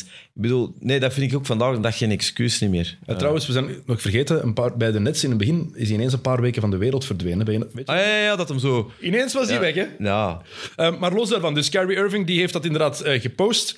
Um, heeft daar veel vragen om gekregen. En heeft daar nooit echt op willen antwoorden. Is heel hard in, du- in eh, discussie gegaan met Nick Friedel, eh, journalist van ESPN, denk ik. um, die dat in mijn ogen heel goed aanpakte. Die journalist die gewoon de vragen stelde die hij moest vragen. En Irving die daar redelijk agressief op, op inging. Um, de vraag die hij moest beantwoorden voor iedereen. Ben je antisemitisch, ja of nee? Daar had hij zich heel gemakkelijk van af kunnen maken. Nee, natuurlijk ben ik dat niet. Ik heb dat gepost om die en die reden. En dan zouden we er nu niet meer over praten. Veel minder, Andries, come on. Als hij gewoon gezegd had, natuurlijk niet, ik ben het niet eens met dat het- en dat en dat en dat in die documentaire. Als hij dat alleen al gezegd had, dan hadden we, dan hadden we deze situatie nooit gehad. het brengt ons wel naadloos iets dat we ertussen kunnen pakken. Ehm, er wordt gewoon licht op gereageerd. Door de pers niet. de pers niet, maar wel door de NBA zelf. Als je ziet, eh, als je ziet hoe, hoe, hoe hard dat, eh, general managers worden aangepakt als ze bepaalde dingen doen, dan vind ik dat... eh, hoeveel geduld gaan we er nog mee hebben?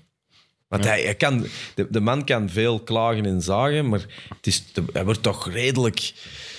Begrip, eh, hoe moet ik dat zeggen? Hij krijgt veel kansen toch, Kyrie Irving? Hij krijgt ook veel begrip van, eh, van, de, van andere, andere spelers. Eh, Ex-speler Mahmoud Abdouraouf, een van mijn lievelingsspelers aller tijden, die heeft een hele post eh, op Instagram gezet waarin hij Kyrie Irving volledig steunde. Zeker omdat hij nu van de Nets bepaalde dingen moet doen voor hij weer aanvaard gaat worden. Ja, hij heeft ook zo, wat is een half miljoen dollar Hij geschonken. moet nu, nee, nog niet, want ze hebben het niet willen aanvaarden. Hij moest een half miljoen dollar geven aan Schenken, een organisatie. En die organisatie heeft na de laatste persconferentie van Kyrie Irving eh, heeft toen gezegd van ja, we kunnen dat geld niet aanvaarden van iemand die nog ineens kan zeggen dat hij niet antisemitisch is. Van iemand die zo reageert, die op die manier antwoordt, die ook zegt, die het compleet verdraait en zich eigenlijk een beetje in een slachtofferrol zet, kunnen we niet aanvaarden. Hij moet nu van de Nets zes dingen doen voor hij terug kan komen naar de ploeg. Hij moet zich verontschuldigen en de film veroordelen. Dat is één. 500.000 dollar geven aan een eh, anti-haat-zaak. Ehm, sensitivity training, antisemitische training, wat dat ook inhoudt.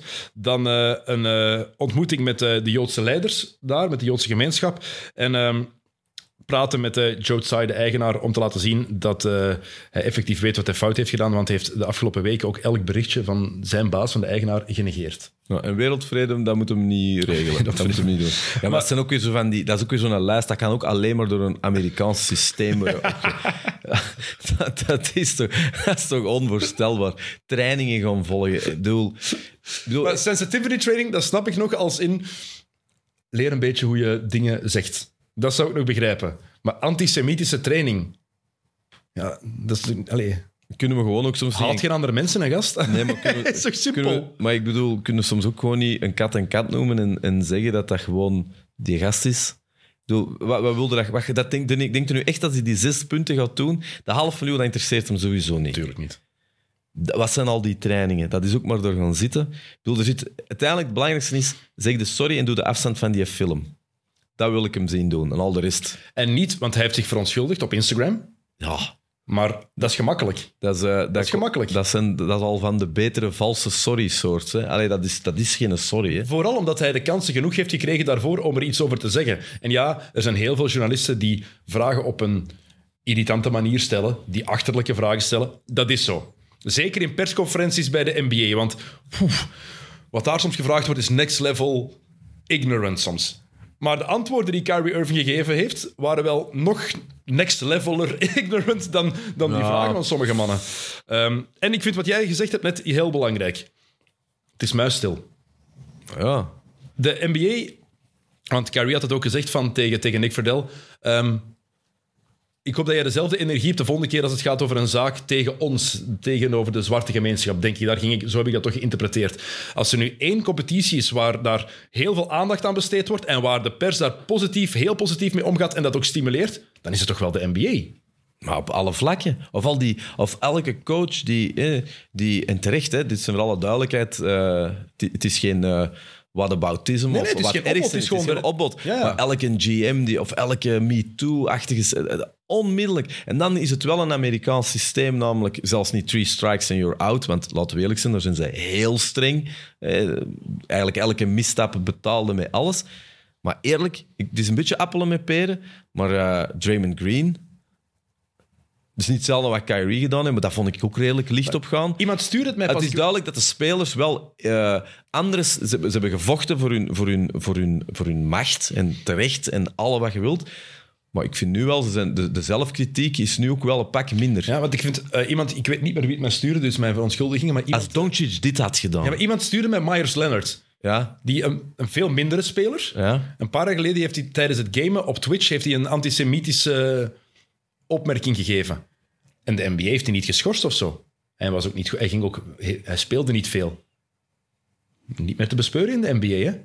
Bij Kyrie Irving wordt het anders aangepakt, omdat het Kyrie Irving is, een grote speler ook is. Maar dat contrast alleen al was inderdaad heel, heel opvallend. Eh, maar wat, wat mij vooral inderdaad opvalt, is hoe stil het is van, vanuit de spelershoek. Ehm, als er iets gebeurt wat maatschappelijk die mannen tegen de borst stoot, dan spreken zij zich uit. Ze hebben daar het platform voor. En ik vind het terecht dat ze dat ook doen. Ze hebben daar de middelen voor en ze komen op voor waar zij in geloven. En dat is mooi op zich. Ehm, LeBron, Chris Paul, Carmelo Anthony, ehm, Jalen Brown. Die mannen die laten zich altijd horen. Zijn er veel Joodse spelers eigenlijk in de NBA? Geen idee. Denk, Tuurlijk. De eerste orthodoxe Jood heeft eh, net in de G-League gespeeld. Met een keppeltje op. Ja, dat is cool om te zien gisteren. Ja, dat is cool. Nee, maar ik vind het wel zot. Zeker als je... Oké, dat is een beetje... Dat is nou niet wat we hier in deze podcast doen. Dus ik kan ook met twee woorden spreken. Maar wat ik me nog herinner, traditiegetrouw veel East Coast. Hè, de Joodse Ja. gemeenschap aan de East Coast. En zeker aan de West Coast ook. Er zijn er wel, zeker stedelijk, zijn er wel enorme gemeenschappen. Ja, ik bedoel, in de filmindustrie kunnen dat niet doen. Er zijn wel zo... Ja, het is een gevaarlijk onderwerp, hè. Maar ik je voelt toch ook wel... Ze, ze, eh, ik, ik, ik- het voelt een klein beetje als een numbers game. Er is te weinig, er zijn te, te weinig, bij van spreken, Joodse spelers. Of, of, of, Gewoon eh, ter info, één Joodse speler maar op dit moment. Volgens de website die ik hier voor me heb, Deni Avdia. Ah ja, tuurlijk. Ja. Omri Caspi was er nog een paar jaar geleden. Ja. Ja, ah, ja Afdia is de enige. Mai. Dat staat hier, Ja. ehm, maar kan misschien nog eens een andere bron. Kevin Durant die heeft zich wel uitgesproken. Logisch, ploegmaat heeft er ook vragen over gekregen. Wat trouwens ook niet eerlijk is, dat elke ploegmaat daar een, of vragen over krijgt. Ja, ja. Maar wat, dat hoort er nu eenmaal LeBron bij. ook trouwens. Hè. LeBron heeft ook moeten doen. Ja. En KD die heeft gezegd van ja, het, is, ehm, eh, het is, allemaal niet nodig geweest. Ehm, dit gedoe, deze chaos komt eigenlijk door de media. Nee, komt niet door de media. de chaos komt door uw ploegmaat. Ja. Die heeft hiervoor gezorgd. En wat ik me afvraag is, stel je voor, en het zou even fout zijn, maar stel je voor dat er een, ehm, een andere speler was geweest die een film had gepromoot. Ehm, de kleur van de speler maakt niet uit. Gewoon die een film had gepromoot eh, waarin de slavernij werd ontkend. Ja. Bijvoorbeeld. Dan zou terecht iedereen op de banken staan en zeggen: Dit kan niet, onaanvaardbaar. En het zou meer dan terecht zijn. En dat, we weten dat dat zou gebeuren. Dat vind ik, daarom vind ik het zo raar. Waarom zwijgt iedereen? Er zijn toch al sportverslaggevers geweest op ESPN. Er zijn niet veel, maar die een, ja, een, iets tijdens een live-uitzending gezegd hadden. Dat, was, dat is toch volgens mij onmiddellijk ontslag geweest. Dat, dat, dat wordt, maar er wordt zeker meteen op gereageerd. Ja. Ontslag, dat is. Maar wordt me- zeker meteen op gereageerd. En nu, dat vind ik zo raar. Waarom wordt dat niet veroordeeld? Dennis, dat is niet Zo raar. vreemd. Dat is niet raar. Dat is ook niet vreemd. Dat is ook een beetje des mensens. Maar dat is wel hetgeen waar, daar, vind ik, de NBA in faalt. Want eigenlijk zou het, or- de organisatie gewoon daar eh, rechtlijnig in moeten zijn. En want gewoon nu veel het- consequent. Maar je voelt ook dat die ook weer met dingen zitten waardoor... Ja, het is gewoon... Ik, ik heb gewoon gezegd dat je presidenten gaat scha- Ja. gaat- gaat schappen. Want dit... Ja, als er iemand anders is, dan zegt ja, met Kyrie is er niks gebeurd. Mhm. Dat is de miserie. Het gaat nooit, al die dingen hebben nooit... Het is nooit een probleem voor Kyrie Irving. Dat probleem is er al. Dat gaat niet weggaan. Die carrière zal ook zijn wat ze zal zijn. Maar voor de toekomst denk ik, vind ik dat wel jammer, ja. Ja, ik vind Want eh, LeBron was net hetzelfde. Daar had ze het ook aan gevraagd. Ja, James veel mediatraining natuurlijk ook. Maar en je zou toch denken, Kyrie en LeBron... Toch ook niet mensen die samen kerstmis gaan vieren of zo. Maar ook daar voelde bijna alsof het afgesproken was. Het was een, ja, ja, een rond de pot gedraai en Niet het antwoord dat we gewend zijn van iemand die zo uitgesproken is als LeBron James. En dat maakt het opvallend. Hè? en Laat dat- verdacht. En verdacht. Maar het is daarom dat ik het zo opvallend vind. Als daar nooit over gepraat zou worden, zoals in het Europese voetbal bijna altijd het geval is, zou ik daar niet vreemd van opkijken. Maar net omdat de NBA zo uitgesproken is en zo opkomt voor, voor, voor zo'n zaken, valt het extra hard op. Ja. Los van... eh, Ik vind het gewoon spijtig, want eh, ik ben dan toch altijd iemand uit het sportieve. En Kyrie Irving op zijn best is toch Oh, een genot om naar te kijken. Niet normaal. Het is, maar we eh, vergeten, we vergeten ook trouwens, Irving zit nog altijd in de bestuur van de Spelersvakbond. Hè? Ja. En, ehm Jalen Brown heeft al gezegd dat ze in beroep gaan tegen, met de Spelersvakbond tegen de maatregelen die de Nets hem hebben opgelegd. Ehm, maar los daarvan gaat dit gevolgen hebben. Hè? Ehm, Kyrie Irving, laatst wat hij gezegd had, was dat er in de docu een paar onfortuinlijke onwaarheden zaten. Kijk, de holoca- holocaust ontkennen, dat is geen onfortuinlijke onwaarheid. Dat is gewoon ignorant as fuck. Dennis, eigenlijk is het heel simpel. Eigenlijk moeten we naar het Nike-signaal zien. Omdat dat internationaal is. En dat weet ik ook van andere dingen, Ja. dat, ik, dat ik- van andere dingen dat ik gedaan heb in muziek of zo, of mensen dat je kent. Uh, hoe groot dat een NBA ook is, en hoe wereld en monopolie, en het zal allemaal wel zijn, maar dat blijft eigenlijk een landelijk iets. Die mensen denken landelijk. Hè, voor hun is Amerika. Maar als je internationale policy en marketing en dat soort dingen, dat is wat er vertelt. Want Nike heeft dat nogal met dingen gedaan. Uh, in UFC heeft dat met John Jones gedaan, omdat hij zijn vrouw had... Uh, uh, dat hem echt dat soort dingen had gedaan. Internationale marketing, dat is waar het over gaat. En die, die nemen geen risico. Hè. De, de Carry 8 wordt niet uitgebracht. Nee, nee. dat, is nee maar dat zegt je nog. Ja. Bedoel, dus dat, dat is al een gigantisch verschil. En dat toont ook nog eens aan wat soms ook een beetje de kleinburgerlijkheid is van zelfs een NBA. Dat dat eigenlijk precies ook maar gerund wordt als een organisatie, zoals bij mij even spreken, een landelijke voetbalbond.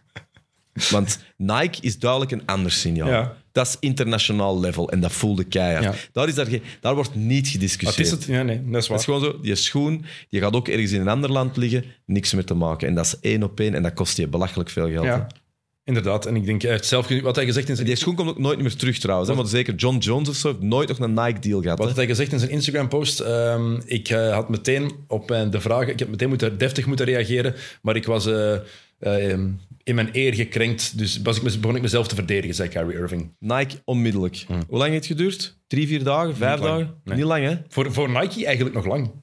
Ja, ja, waarschijnlijk omdat ze er nog mee Ja. druk hebben gezeten. Maar het is... Hoe los je dit op, ook bij Brooklyn? Want Kyrie Irving is damaged goods. Dat is gewoon zo. Ehm, en het is ook heel duidelijk, hij is toxisch. Niet alleen in Brooklyn, is toxisch geweest in Boston. Is, al een, is toxisch geweest in die laatste zomer bij Cleveland. Ehm, en dat is zo'n beetje de gast... Als je in een relatie zit met een, to- met een toxisch lief, man of vrouw, dat je van weet, het is niet goed, maar elke keer word je terug verliefd op het feit omdat hij zo, zo knap is of zo mooi is. En elke keer pakt hij er terug van, maar ja, het is zo... Het is, zo, Ooit- het is zo'n knappe, het is zo'n mooie. Je weet hoe dat eindigt. Ooit stopt het dan toch. En dan doet het extra en, veel en- pijn. En een half jaar later, als je erover zit, zegt iedereen... Zie je wel. En dan zeg je, ja, hoe heb ik dat ooit kunnen doen? Ja. Hij moet weg. Eh, ik weet het niet. Ofwel stuurt hem naar het oosten en gaat hem daarvoor eh 3 triljard per seizoen eh, ergens bij whatever, eh, Taiwan... in de NBA, heeft hij nog een toekomst in de NBA volgens jou? Of hij moet naar een ploeg gaan waar, dat je, waar dat je zit met... Ja, misschien kunnen ze zo'n ploeg vormen hè, waar dat alle, alle veel te dure rejects zitten. Hè. Maar wie, wie gaat het risico nog nemen? Wie wil Kyrie Irving nog hebben? Ik denk dat, ik denk dat ja, een ploeg, ik zie de Lakers het wel overwegen. Omdat ze daar ook... Ja, Nu nog? ja, nee, nee, tuurlijk niet. Ik denk maar- dat dit effectief de stap te ver is geweest voor, voor Kyrie Irving. Dit is echt strike three. Ja, maar hij is officieel nog niet... En vijf wedstrijden is niks. Nee, nee, ik weet het, maar in de perceptie van de mensen bedoel ik. Hij is ook na dit jaar Hij gaat niet toegeven. Hè. Hij gaat niet toegeven, want je kunt er veel over zeggen, maar de man geeft niet toe. Dat Hij is ook- wisselt vaak van mening, maar hij geeft... Hij geeft niet toe. Dat is waar. Ik bedoel, dat is ook, dat, dat, dat is, respect is niet het woord, want dat, dat, dat verdient zoiets niet. Maar je moet wel eh, hem erkennen met dat vaccineren en zo. heeft hem ook veel geld gekost. Hij geeft niet toe. Nee, maar dat is toch, was toch anders? Dat is over waar hij in gelooft, voor zijn eigen lichaam, is nog anders dan wat er nu gebeurt. Ik heb mij ook nooit uitgesproken over het feit van of hij voor of tegen dat vaccin is, dat is zijn zaak. Het was gewoon, heeft hij, met zijn, plo- heeft hij zijn ploeg daarmee in de steek gelaten? Absoluut. Maar hij geeft niet toe. dat is geeft wel niet een- toe. Dat is ook een reden dat hem zo geniaal is. Dat is ook waarschijnlijk heeft hem ook ooit in training niet toegegeven. Dat is, dat is, dat is, maar hij gebruikt voor de verkeerde reden. Ik geloof nooit dat dat... Dat gaan een valse, halve sorry zijn. Ze gaan daar volgens mij... Dat gaan er wat tijd over gaan. Want dat, zo zijn we ook. We zijn het ook rap beu. Dit gaat niet weggaan, volgens mij. Ik zie, ik zie dit nog niet meteen weggaan. Als hij, als, hij, als hij niet op clubniveau ontslagen wordt, wat, gaat hij doen? Gaat hem, je kunt hem op de bank houden? Ja, maar de NBA kan ingrijpen. Is, dat, is het de sterkste Ze generatie? hebben, ze, ze hebben gepraat, hè. Ze hebben gepraat. Ehm, Adam Silver heeft eh, afgelopen nacht gepraat met Kyrie Irving. Blijkbaar was het een productief gesprek. Ja, dat alleen al. Allee, ja, ik bedoel, dat, dat is...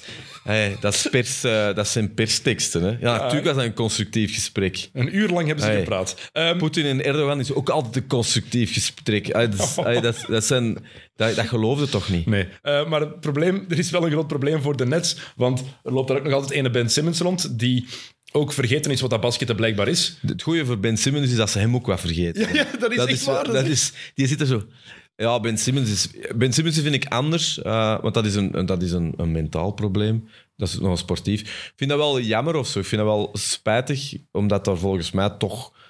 eh, dat zal ook geen gemakkelijke zijn, Nee. zal ook veel over te zeggen zijn, maar dat is wel iemand waarvan dat je voelt, ja, mentaal zit het niet helemaal correct. Dat is waar. Eh, maar mentaal zit het niet correct. Maar als je maar twee punten per match bij, bij momenten scoort, Maar hij durft niet meer. hij durft niet meer. Hij heeft echt schrik om, Want naar, ik- kan me niet schrik om naar de ring te gaan. hè. Ik, heb, ik kan me niet voorstellen dat ze daar nog geen psycholoog op hebben afgestuurd. Ik, ik, ho- ik hoop het voor hen. Wat zijn zijn cijfers op dit moment? Dat is niks, hè. Het is echt weinig. Het is vooral, 5,- 5,6 punten per match, 6 rebounds gemiddeld, 6,6 assists. ja, en het is vooral dat hem niet durft, hè. In een half uur scoort hij minder dan 6 punten per match. Ja. Ja, en je, je kunt hem niet verwijten dat hij iets verkeerd doet. Je kunt hem alleen verwijten dat hij niks doet. dat Met dat, met, met, dat, erger. met dat lichaam, met die mogelijkheden, 6 punten per match. Sorry, En, die, maar en, die, en dat loon. Ja, dat, is, dat, is ook, dat is één ding. Maar los daarvan, met dat lichaam, kom aan, 6 punten per match in 30 minuten. Alsjeblieft. En, is hem verdedigend toe, want dat was hem eigenlijk. Is een Ja, goede het probleem is, hij is goed op de perimeter. Ah, Hij was goed op de perimeter, maar nu wordt hij vaak defensief als center uitgespeeld.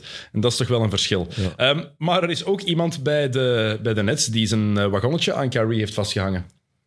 En die daar nu schoonlijk alleen in het station staat. Kevin Durant. Ah ja, ja, tuurlijk.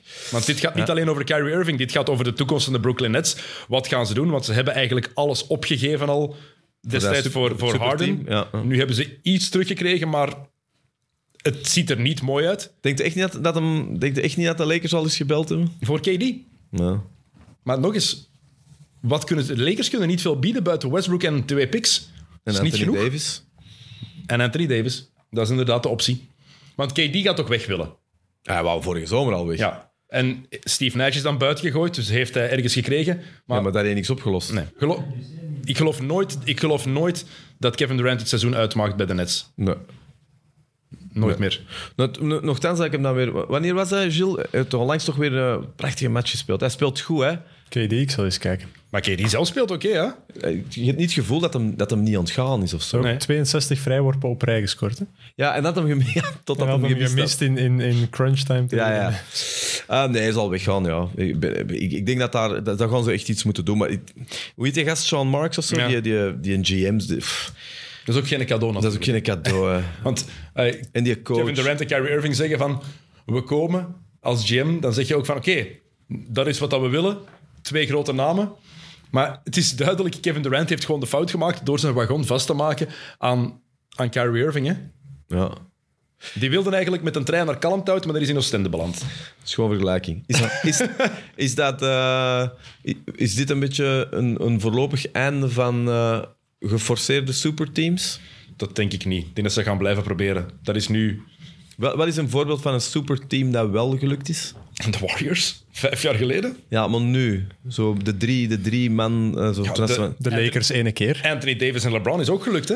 ja, wel waar. Bubbel wel. Ja, Maar goed. maakt niet uit. Ja, Titel is dat- ja, titel. titel is titel. Ja. Ik, ik vind dat telt. Dat Ja. telt nog altijd. Ja, maar als je dan ziet ze, hè, hoe was hun, hun, toekomst gehypothekeerd Ja, maar- is dat wel een serieuze... Maar Mike Greenberg, journalist, eh, presentator bij ESPN, zei het eigenlijk heel mooi. Van, ja, kijk, inderdaad, het is slecht nu, maar ze hebben er wel een titel uitgehaald. Ik ben 50 jaar, ik ben niks supporter.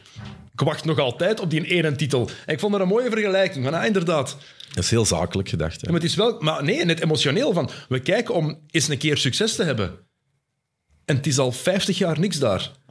Bij de Lakers Hebben ze dat jaar gehad. Nog altijd de enige titel zonder parade, trouwens. Is dat? Ja, die mocht, die ah ja, natuurlijk, je mocht niet. En Genie Buzz had beloofd, er zal een, een parade komen. Ze wachten nog altijd in L.A.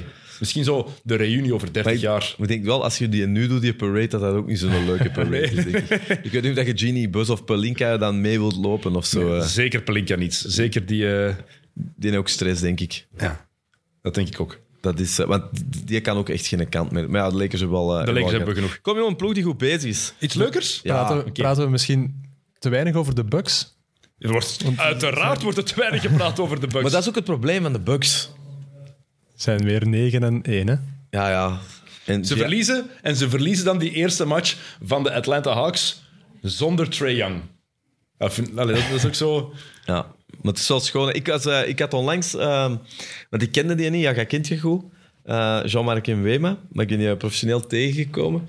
Eh, ja, ik ga wat dingen zeggen dat jij al lang weet. Ja, Zeg het mij. Zeer aangename man. Prachtige mens. Allee, fantastische sportman, maar het is ook een, allee, een zeer aimabele, coole vent. Slimme gast. Slimme Hele gast. slimme ja, gast. dat is... eh, eh, zijn uiterlijk heet hem niet mee, maar... eh, Mottige gast.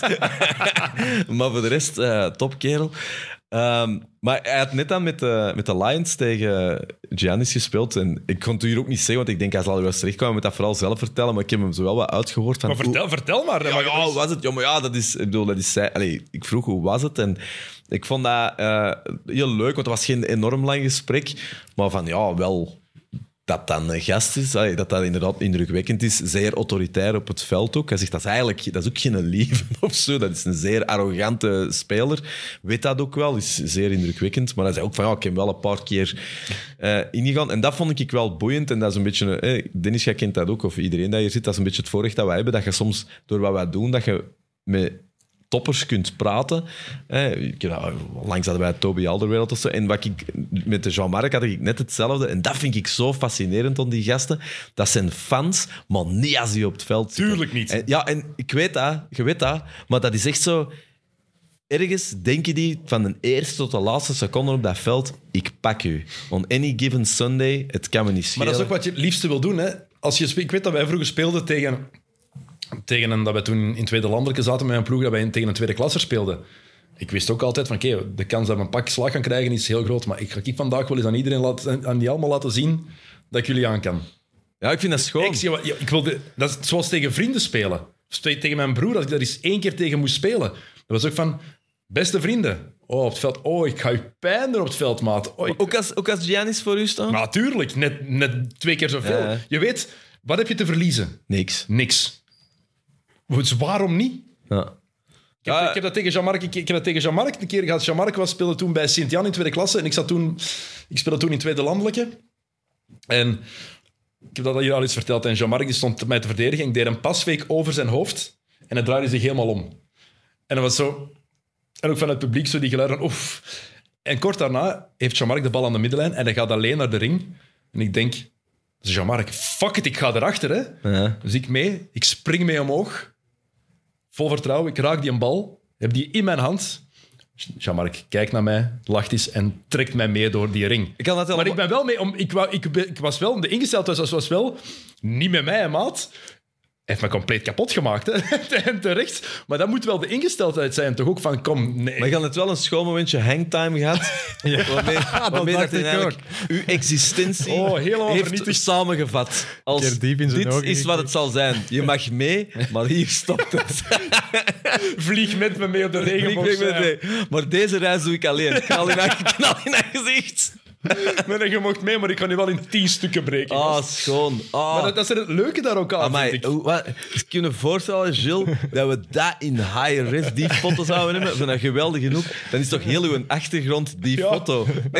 Mijn broer was, was, was die match komen kijken, die weet daar ook nog heel vaak van. Eerst van, ja, eerst pakte jij die keihard. En dat was zo'n cool moment. En dan maakte nu compleet kapot. Dennis. Ik, ik weet het. Hey, je, Maar ik was wel mee. je hebt meegedaan met de grote.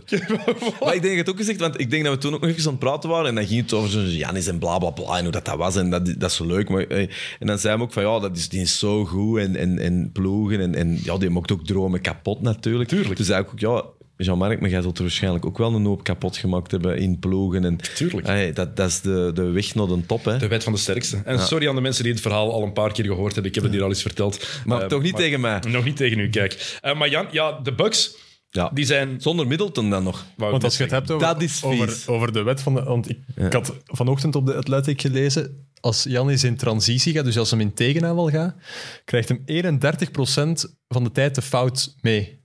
Dus 1 op 3 in tegenaanval gaat hem naar de vrijwoordplein. Dus dat is zo'n, eh, ik vond dat een opvallende statistiek. ook- je, ziet het, je ziet dat ook wel, maar dat is wel Je echt kan hem veel, ook hè. niet tegenhouden. Hè? En het niet feit dat hij zegt van hij is wat arrogant op het veld...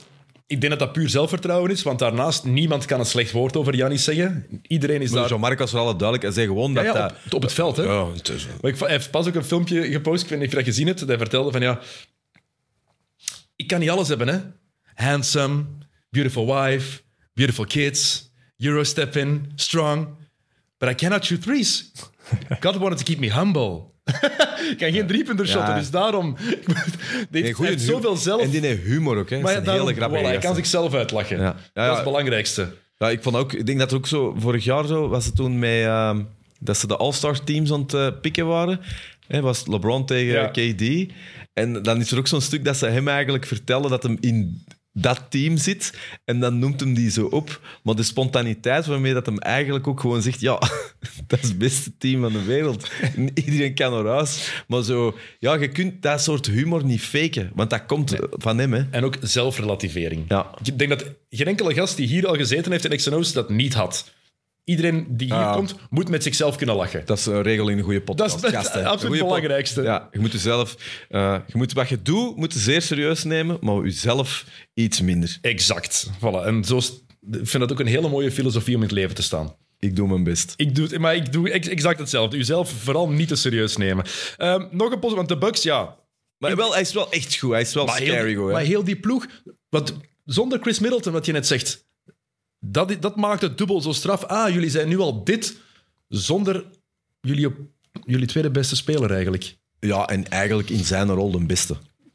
Hij is natuurlijk is objectief Giannis, maar Middleton. Ja, maar ja, Wa- wat, een, wat, een, wat een nummer twee. Ze winnen de titel twee jaar geleden niet zonder Middleton en zijn clutch shots in de eerste ronde. Ik denk dat game one was het, die game, win, eh, game one of game two, game winner tegen, goh, was tegen Orlando? Tegen de Heat. Tegen de Heat? Ja. Tegen de Nee, Heat. Ja, de Heat hebben, tegen de Heat inderdaad. Bucks Heat was eerste ronde. Ja, dat was die sweep. Het jaar daarvoor was er...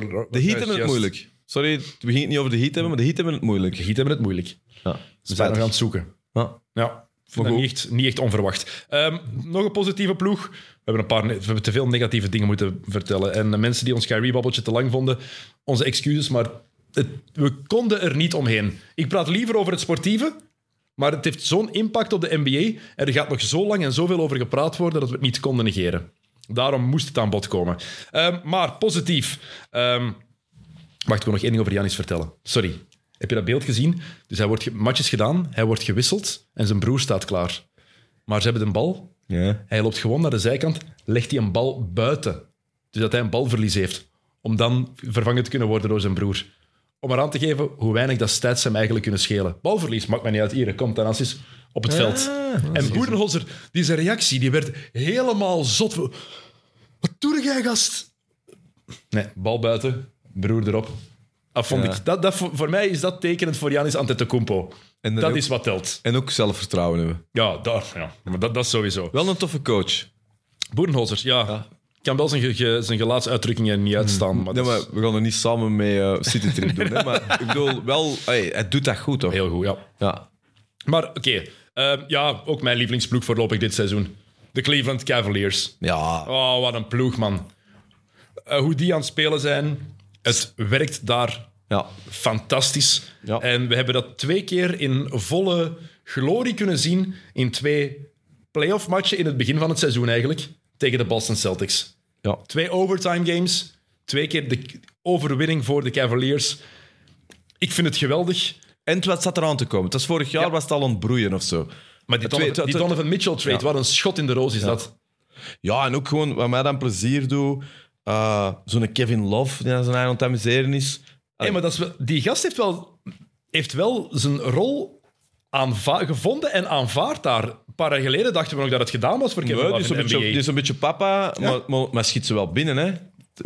Ja, dan is... eh, ja, ja, en dingen natuurlijk. Hè. Ehm, Kevin Love, het is Ja. nu 13 punten, 8 rebounds per match van de bank in 20 minuutjes. Dat is echt Ja. niet slecht hoor. Garland, poh.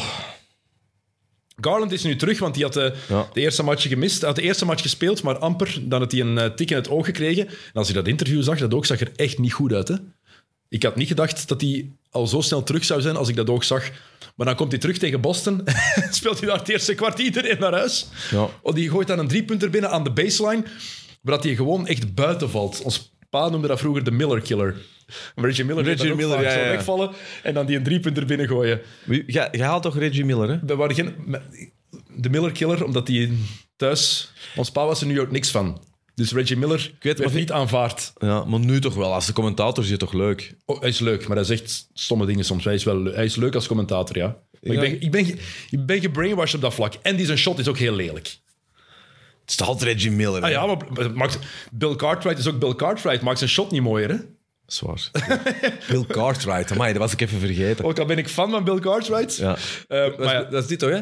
nou, dit en dan draaien. Ja, ja, Die had heel die bal raar. zo vast en dan ineens draaide hij Ja. zijn handen heel vreemd. Ja. Ehm, wat ze nu gedaan hebben, ze winnen zonder Darius Garland. ja. Dat is wat vorig jaar niet lukte. En ik weet niet of jij dat ook hebt, maar ik heb het gevoel, het tegenovergestelde van beide Nets. Daar moet de sfeer zo tof zijn in die ploeg. Je voelt dat van op afstand. Ja, het is een andere ego-situatie? Ja. Ja, ik, ik, ik leuk team. Maar ik, ook zo'n team vind ik... ehm, ik zal niet zeggen stiekem, maar eh, zo acht keer op rij winnen. Het is zo... En niet tegen de kleinste ploeg. Niet tegen de kleinste ploegen, maar zo, het is niet geruisloos, maar ja, het is inderdaad... Ik, ik, ik zie ze heel graag spelen. Maar ik vond dat vorig jaar al. Zo. Ik vind die Jared Allen en, en die gasten... Ik vond dat al... Ik, ik zie daar niet van dat dat nu tot ontplooiing is ontkomen. En ik heb het gevoel dat, zelfs, dat ze hun, hun, eh, hun maximum nog niet bereikt Nee, totaal niet. Want Donovan Mitchell is er tien Ja. matchen begot. Ja, Dus ze, weet, ze, kennen hun, ze kennen elkaar nog niet helemaal. Ricky Rubio moet nog terugkomen. ja. Een bepalende factor voor die ploeg. En ja, ik ben een gigantische fan van Evan Mobley. hè. Ja, ja. Vooral, je ziet ook... Vorig jaar ook al, hè. Maar je ziet ook in zijn bewegingen hoeveel evolutie daar nog in zit, hoeveel groeimarge daar nog in zit. Maar Ik hoe heb- oud is hij? Hoe oud is hij, gast? eh, is eh 20, denk ik. Hij is- Hij is gedraft in Twee jaar geleden? vorig jaar. Nee, vorig jaar. Dus 20 jaar. Ah, vorig jaar was een rookie, hè. Ja. Ja, dus Van voor- ja, Mobley is... 20 dit jaar. Oeh, dat is een Nederlandstalige pagina. Eh, Hij, hij, wo- hij moet 20 worden of hij is er 20 geworden. 100% zeker. ja. ja. Ja, dit is een ploeg die... En als je kijkt naar, als je kijkt naar Mobley, hoe die beweegt, ook daar, op dat vlak heb ik het gevoel van, hè, je bent nog niet helemaal... helemaal 21. 21 Sorry. al. Hoppa. Van Maar die is 2000 gedraft in 2000 en... ja, 18 juni 2001, 21 jaar. Vorig jaar inderdaad, het derde pick. Eh, Als sophomore is het toch gedraft? Eh, Oké. Ja, één, maar één jaar USC. Eh, Allee, ja, goed. 21 jaar staat hier. Allee, weg met de 100 Eh, maar, Maar het is ook weer tof, de, de East is gewoon ook weer leuk. is gewoon weer leuk, hè. maar je ziet ook aan, aan Mobley, zie je, ehm, heel veel mensen vergelijken hem met de jonge Kevin Garnett. Garnett was qua bewegingen iets vloeiender. En ik heb het gevoel dat dat bij Mobley er nog ergens in moet komen. Maar de touch die hij inside heeft, voor de defensieve presence, aanwezigheid en hoe hij perfect weet waar hij moet staan op defensief vlak, want daar is hij al heel slim is. Denk je dat ze een Union gaan pullen? Oeh. Ik Voor de denk, mensen die denken, what the fuck is Union? De ploeg, de ploeg van heel, heel de competitie en dan op het einde toch zo verzwakken? ik denk, ik zie ze niet als titelkandidaat. Nee, Maar ik zie ze wel de tegen, in, in zeven matchen tegen Milwaukee. dat gaat moeilijk worden. Daar geloof ik nog niet in. Maar ik zie ze wel de conference finals halen als optie. Ik zeg niet dat het gaat gebeuren, Ja. maar ik zie het wel. Ja, Moeten is ze voorbij een Boston, hè? Moet je voorbij Boston, hè? Moet je, maar ja, in de- ze hebben net twee matchen tegen Boston gewonnen in de, in de na Ja. overtime. Dat zegt niks. Robert Williams is er nog niet bij, ik weet het. Het is nog veel te vroeg in ook het wel seizoen. iets, ook wel. Maar het zegt wel veel over het potentieel Ja, ja. en de opties die daar zijn. Ja. Nee, de Cavs. eh, wat vind je van die truitjes van de Cavs? Die al bekeken hebt? Ik vind dat een beetje... Allee, Ja, is zo'n gelet truitjesman. hebt. Hè. Ik zit hier met een lelijke Lakers hoodie, dus... eh, Ik vind het een beetje te veel ehm, reversible-achtig. Een beetje zoals bij Utah het geval is. Trouwens, Gilles, dat veld van Utah. Ja. Met de, met, als ze met die gele shirt spelen. Wat, wat, waarom? Mensen die het nog niet gezien hebben, zoek het even op. Alles aan Utah. Dat is nu wel echt heel mottig, hè? Ik, kan nooit voor... Ik heb bijvoorbeeld... oh ja, Oké, dat is nu wel omdat ik voor Dallas dan supporterde. Houston kon gewoon al die zaal en die truitjes en... Maar Houston, die, Ah, die retro shirts zijn prachtig. Ja, nee, maar die rode, die gewoon... Ja, nee, het deze? Ja, nee, nee, dat zijn de, dat zijn de oude nicht. De, de truitjes van nu zijn, wacht hè. Die rode? Nee. Nee, nee, nee, wacht. Die fluo van de, van de jazz. Ja, die fluo van Ja, de ik jazz kan dat zijn... scherm hier niet draaien. natuurlijk. Nee, die, die, die fluo van de jazz, die zijn... Die, dat, is, dat, is echt, een- dat, is, dat is een markeerstift, hè. Ja, maar jij vond die Miami eh, jerseys van vorig jaar ook niet mooi. Die vond ik ook schoon. Weet je die nog? Wacht, hè. Hier, hè. Dit zijn ze. De shirts. Het zijn gewoon, ja, het zijn... Nou, dat is inderdaad Oefen, beetje, het is wat basic. een beetje decathlon wel. Hè? een goede kipsta. Hey, een goede kipsta werkt altijd. Kan juist zeggen. Ehm, maar Utah trouwens, mensen moeten letten op Walker Kessler. Ja, daar, daar, daar zijn je altijd tegen mij over bezig. hè? Een beetje de nieuwe Sean Bradley aan het worden. Ja, ik moet gewoon lachen. Zo, de odd man out, hè. Zo, zo een beetje qua uiterlijk. Maar er wordt zoveel op die Walker Kessler, zo de white guy bij Utah, en er wordt zoveel Ja. op gedunkt. Er wordt echt iedereen heeft daar in de eerste twee weken al op gedunkt, precies. Dan zit- ben je aan het kijken naar de top 10 plays en dan zo over Walker Kessler, over Walker Kessler, over Walker Kessler. Dat is Zeg, ik was nu heel pijnlijk. al drie keer zo door mijn hoofd gekomen, terwijl jij over van alles bezig bent. Alles wat weg is gegaan van Rudy Gobert, doet het goed. Mitchell, Utah. En alles waar hem naartoe gaat, daar gaat het slecht met Edwards. Het valt toch op hè, dat, dat dat negatieve verhaal rond hem... Ja. ik vind Utah wel funny als dat zo de ploeg is die zo absoluut ging tanken dit jaar. dan is die wel slecht bezig. Maar ze hebben een goede coach binnengehaald. Ja, maar leg dat nou eens een keer goed, want dat tanken, is dat, wat- wordt dat echt beslist op, op bedrijfsniveau? Wordt dat, Tuurlijk. Want ja, dan zijn ze niet goed bezig. Hè? Of, Nee. of, ze- of proberen die altijd te verliezen. Maar, nou, nee, je probeert... Je, Danny Ainge heeft een ploeg samengesteld die in zijn ogen niet goed genoeg zou zijn om veel matchen te winnen. En dan maakt het vaak niet uit wie je op het veld zet, want als het niet goed genoeg is, dan word je in de NBA normaal gezien overklast. Ja. Dat is de basis. Houston. Ja, maar Houston als jong talent, dat is nog anders, denk ik. Ehm, Indiana. Ja. San Antonio normaal gezien. Ook al hebben die het beter gedaan dan we Ja. al verwacht hadden.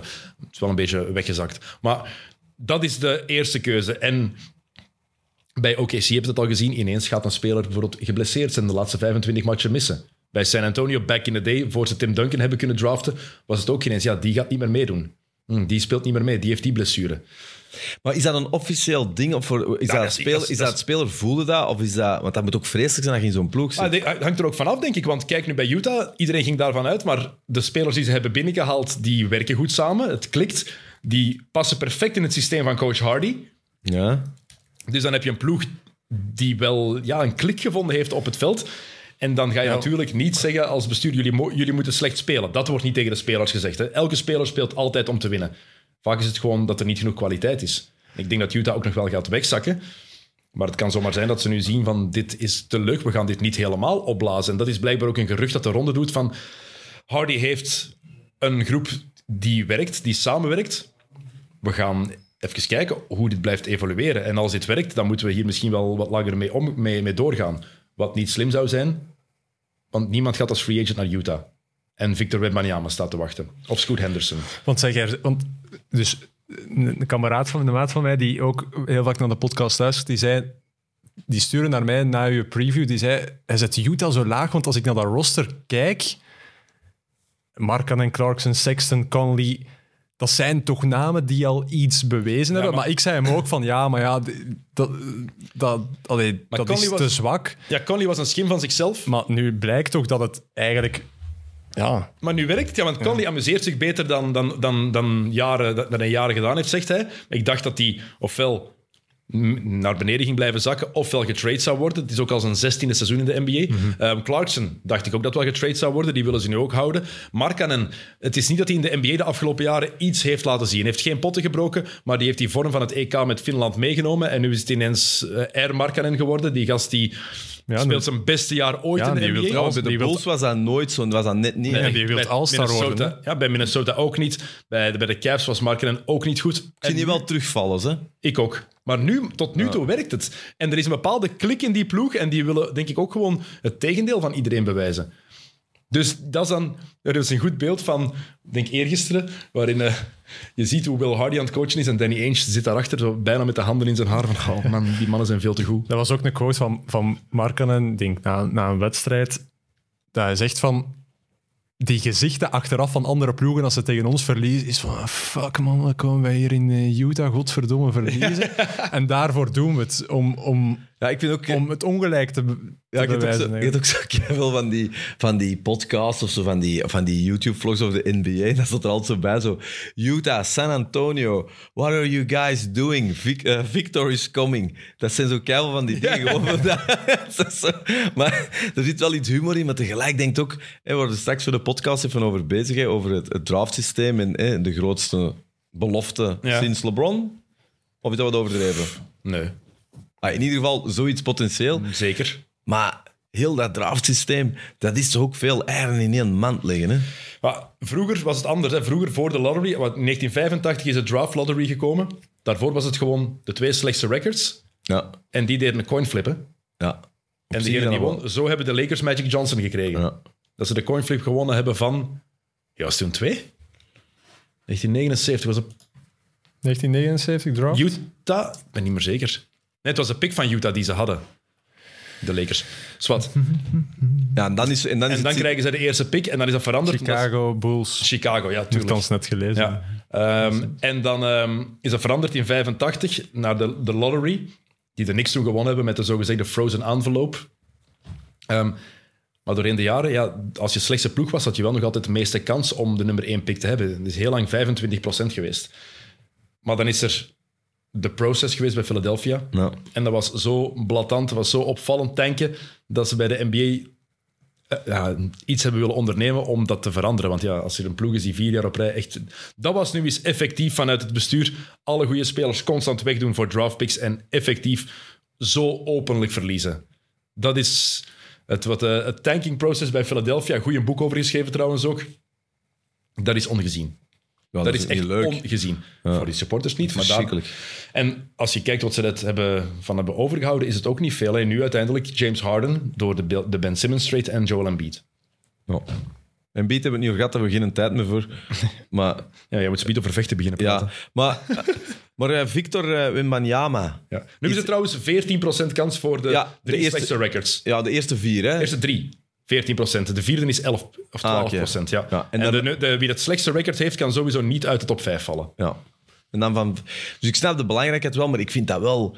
ehm, dat, ik, ik, ik blijf dat wel een systeem vinden. Dan, dat, dat kunnen toch niet een heel seizoen voor gaan, voor gaan tanken. En het kan ook Want zo- 14% is nog altijd niet hè. 86% kans dat je het niet hebt. Hè? Ja. En het kan ook zomaar veranderen. Ik, eh, Orlando heeft zo twee jaar op rij de nummer 1 pick gehad. 92 hadden ze Shaq.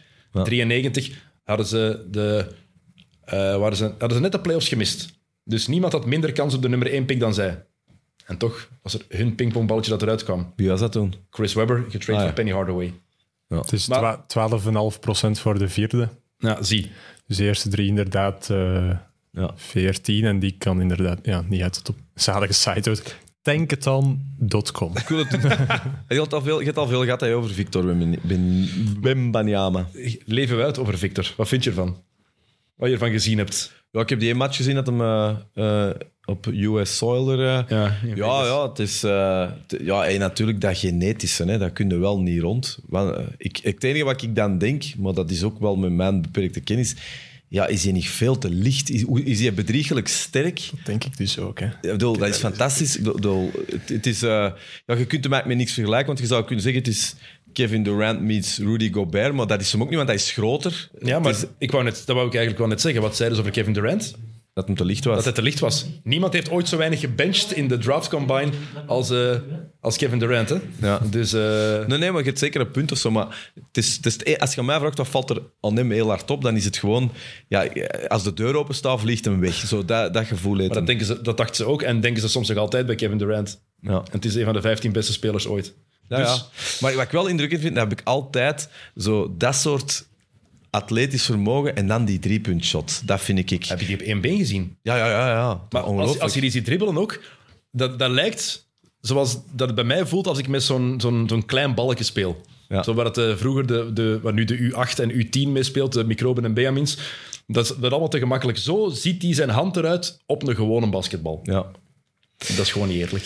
Ja, ja, ik denk alleen ik denk dat hij wel veel. eh, ik denk dat ze daar zeer agressief op gaan spelen, denk ik. Ik weet niet, ik weet, natuurlijk moet hij dat doen, maar ik denk niet dat hij met open armen gaat ontvangen voor de NBA. Amai. Goh, dat gaan ze toch, gaan ze toch echt de, de Bill Lambiers van eh, deze generatie dus opzetten. die bestaan niet meer. Ja, ze gaan, er, ze gaan er daarvoor kweken, denk ik. Oké, Bring nog- back Bill. Nog een paar quick hits eh, en dan kan je aan op zijn bakjes beginnen. Ja. Ehm, moeten we nu echt al blij zijn als Kawhi Leonard eens een keer kan meetrainen? Ik zie hem graag bezig. Ja, maar hij speelt niet meer. Hij is weer voor onbepaalde tijd uit. Hij heeft anderhalf jaar ongeveer gehad om weer fit te worden. En nu is het opnieuw een probleem met diezelfde knie. We zijn zo streng over Anthony Davis en terecht. Moeten we niet even streng zijn over Kawhi Leonard? Ja. Maar ik- er is iets aan Kawhi Leonard. Misschien is het omdat hij nooit zijn mond open doet. Dat hij ook niks verkeerd doet of zo. Ik blijf dat een enigma vinden, die man. En omdat hij op zijn top ook altijd presteerde en één titel... Dank, ah, de, de Raptors hebben die titel gewonnen dankzij hem. Ja, ja. Ik wou zeggen op zijn eentje gewonnen heeft, maar dat was ook te kort door de bocht. Het zou eer afdoen van, van Siakam en Van Vliet en, en Lowry. Het zou niet eerlijk zijn. ja ik, ik zie hem gewoon graag bezig. Ik vind hem ook een, een coole vent of zo. Maar dat is het probleem. Ja. We zien hem niet bezig. Nee, ik weet het. Dat is het hele Maar probleem. ik, voel, ik betrap mijn eigen er wel op dat als hem niet speelt, dat ik minder gemakkelijk naar de Clippers ga. Paul George of zo is voor mij... Oh, ook een, dat is een keigoede speler, hè. Maar ik vind ook Paul George bijvoorbeeld... Vind ik ook iemand die zo een beetje in een schaduw zit. Want als George in een ander team zou zitten, zou dat niet... Bij, bij Indiana was het cool. Ja, Toen was het echt cool op Paul George. Maar nu, ik heb hetzelfde als jou. Als Kawhi niet meespeelt, dan heb ik veel minder de neiging om de Clippers op te zetten. terwijl dat... dat Ehm, Jason Tatum. Ja. Op dit moment beste speler in de NBA? Nu, hè, wat we nu al gezien hebben. Hè? maar ik vond die vorig jaar met momenten dat ook al. Hij is nog beter geworden. Ja, geweldige... Geweldig, hè. Ja, ook met een perfecte... alles klopt. Eh, hij moet een prijs pakken, hè. Ja. Hij, hij moest spelen tegen Memphis en hij moest de twee beslissende vrijworpen binnengooien.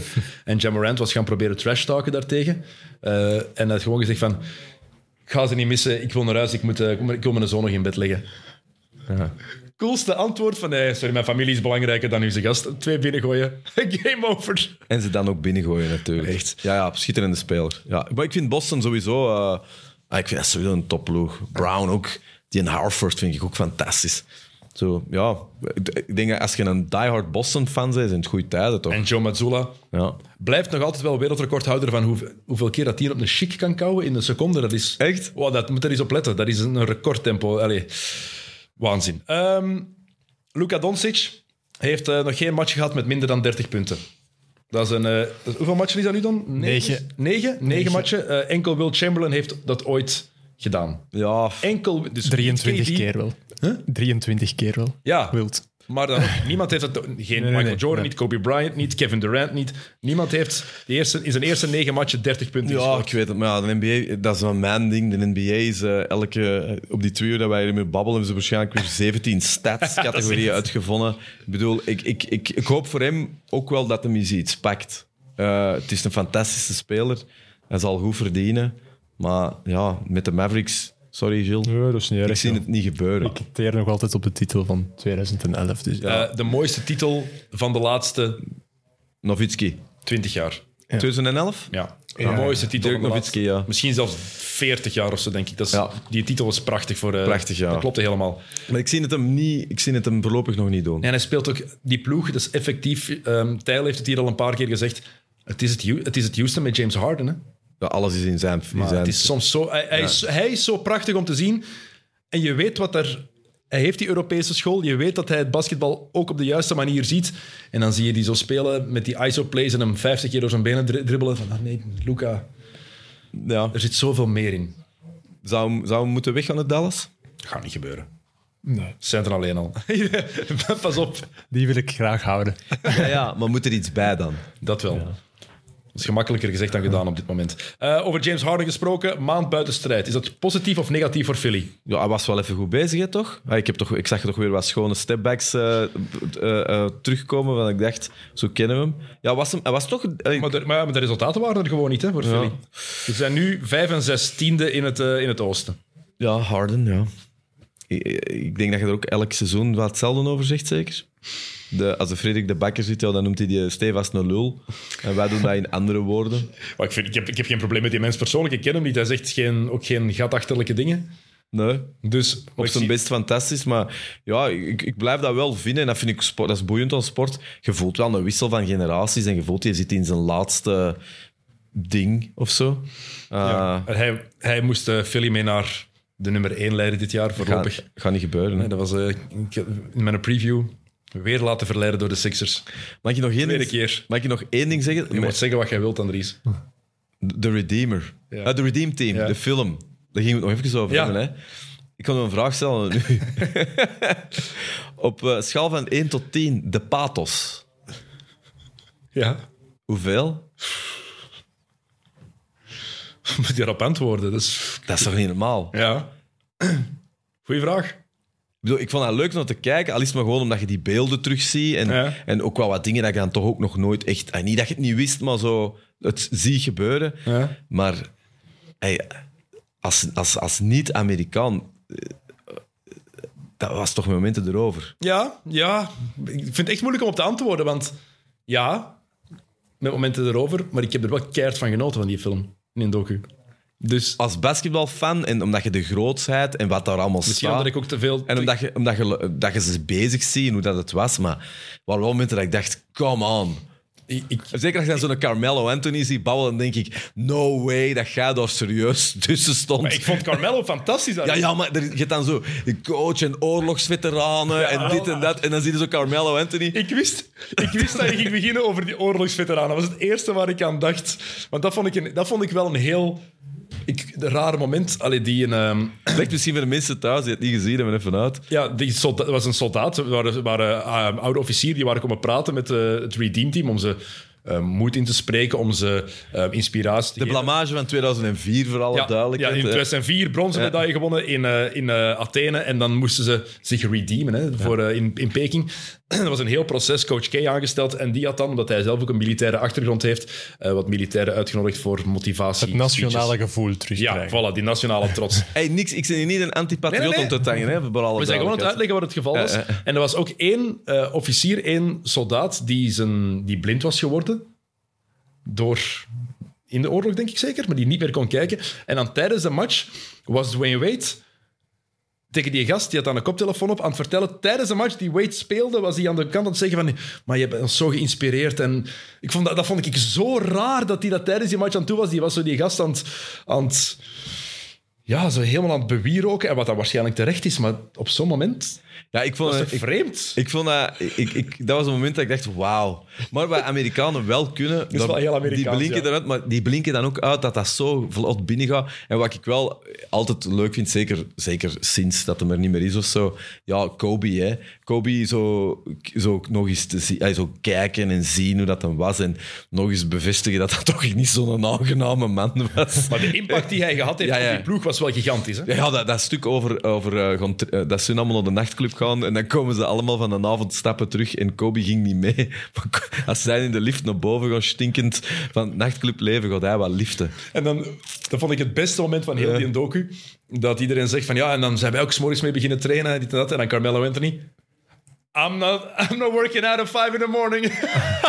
dat hij gewoon zei, ik doe daar niet aan mee. Zeg, gast, zie van hier. Carmelo Anthony, ik zag hem, kom hem af en toe tegen op mijn Instagram als hij weer zo wijn aan het, eh, doen is en zo. Wat een figuur. Ja. Ja, ook eh, geruisloos uit de NBA verdwenen. Hè? Wie, ging- onlangs ging er weer iemand, wie ging er nou weer naar, naar, naar het oosten? Er is een bekende, uit- eh, Dwight Howard. Ja, die is naar, eh, naar Maleisië? Taiwan. Nee, Taiwan of Taiwan. Ja. Ja, die is naar Taiwan. Hij heeft, eh, Ook niet de plek waar je tegenwoordig Maar komt. hij heeft er ook een filmpje over gepost dat, hij, dat hij vertelt van ah, ik kom eraan. Oh, dat is...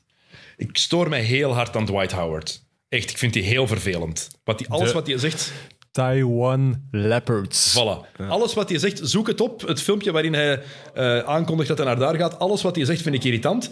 En dat is super kort door de bocht en subjectief, I know. Dus, dus ik geef dat eerlijk toe. Maar vooral in het Redeem Team, die zit daar met een trui aan met een foto of een beeld van hem en Kobe.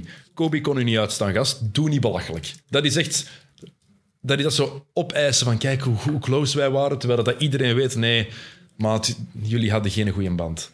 Met Kobe had met niemand, met Shaq toch ook niet? Ja, uiteindelijk hebben die het bijgelegd en die, die, die, die kwamen nog wel overeen op het einde, maar Kobe en Dwight was nog wel Ik vond, ik vond, wat ik tof vond is inderdaad de figuur LeBron en Kobe. Gewoon ze zien. Ja. Gewoon ze met twee zien en het zal allemaal wel aangedikt zijn. ik, ik Dat- vond het ook leuk hoe ze over Kobe praten. Hij, Dwayne Wade, ehm, Mello, Coach K.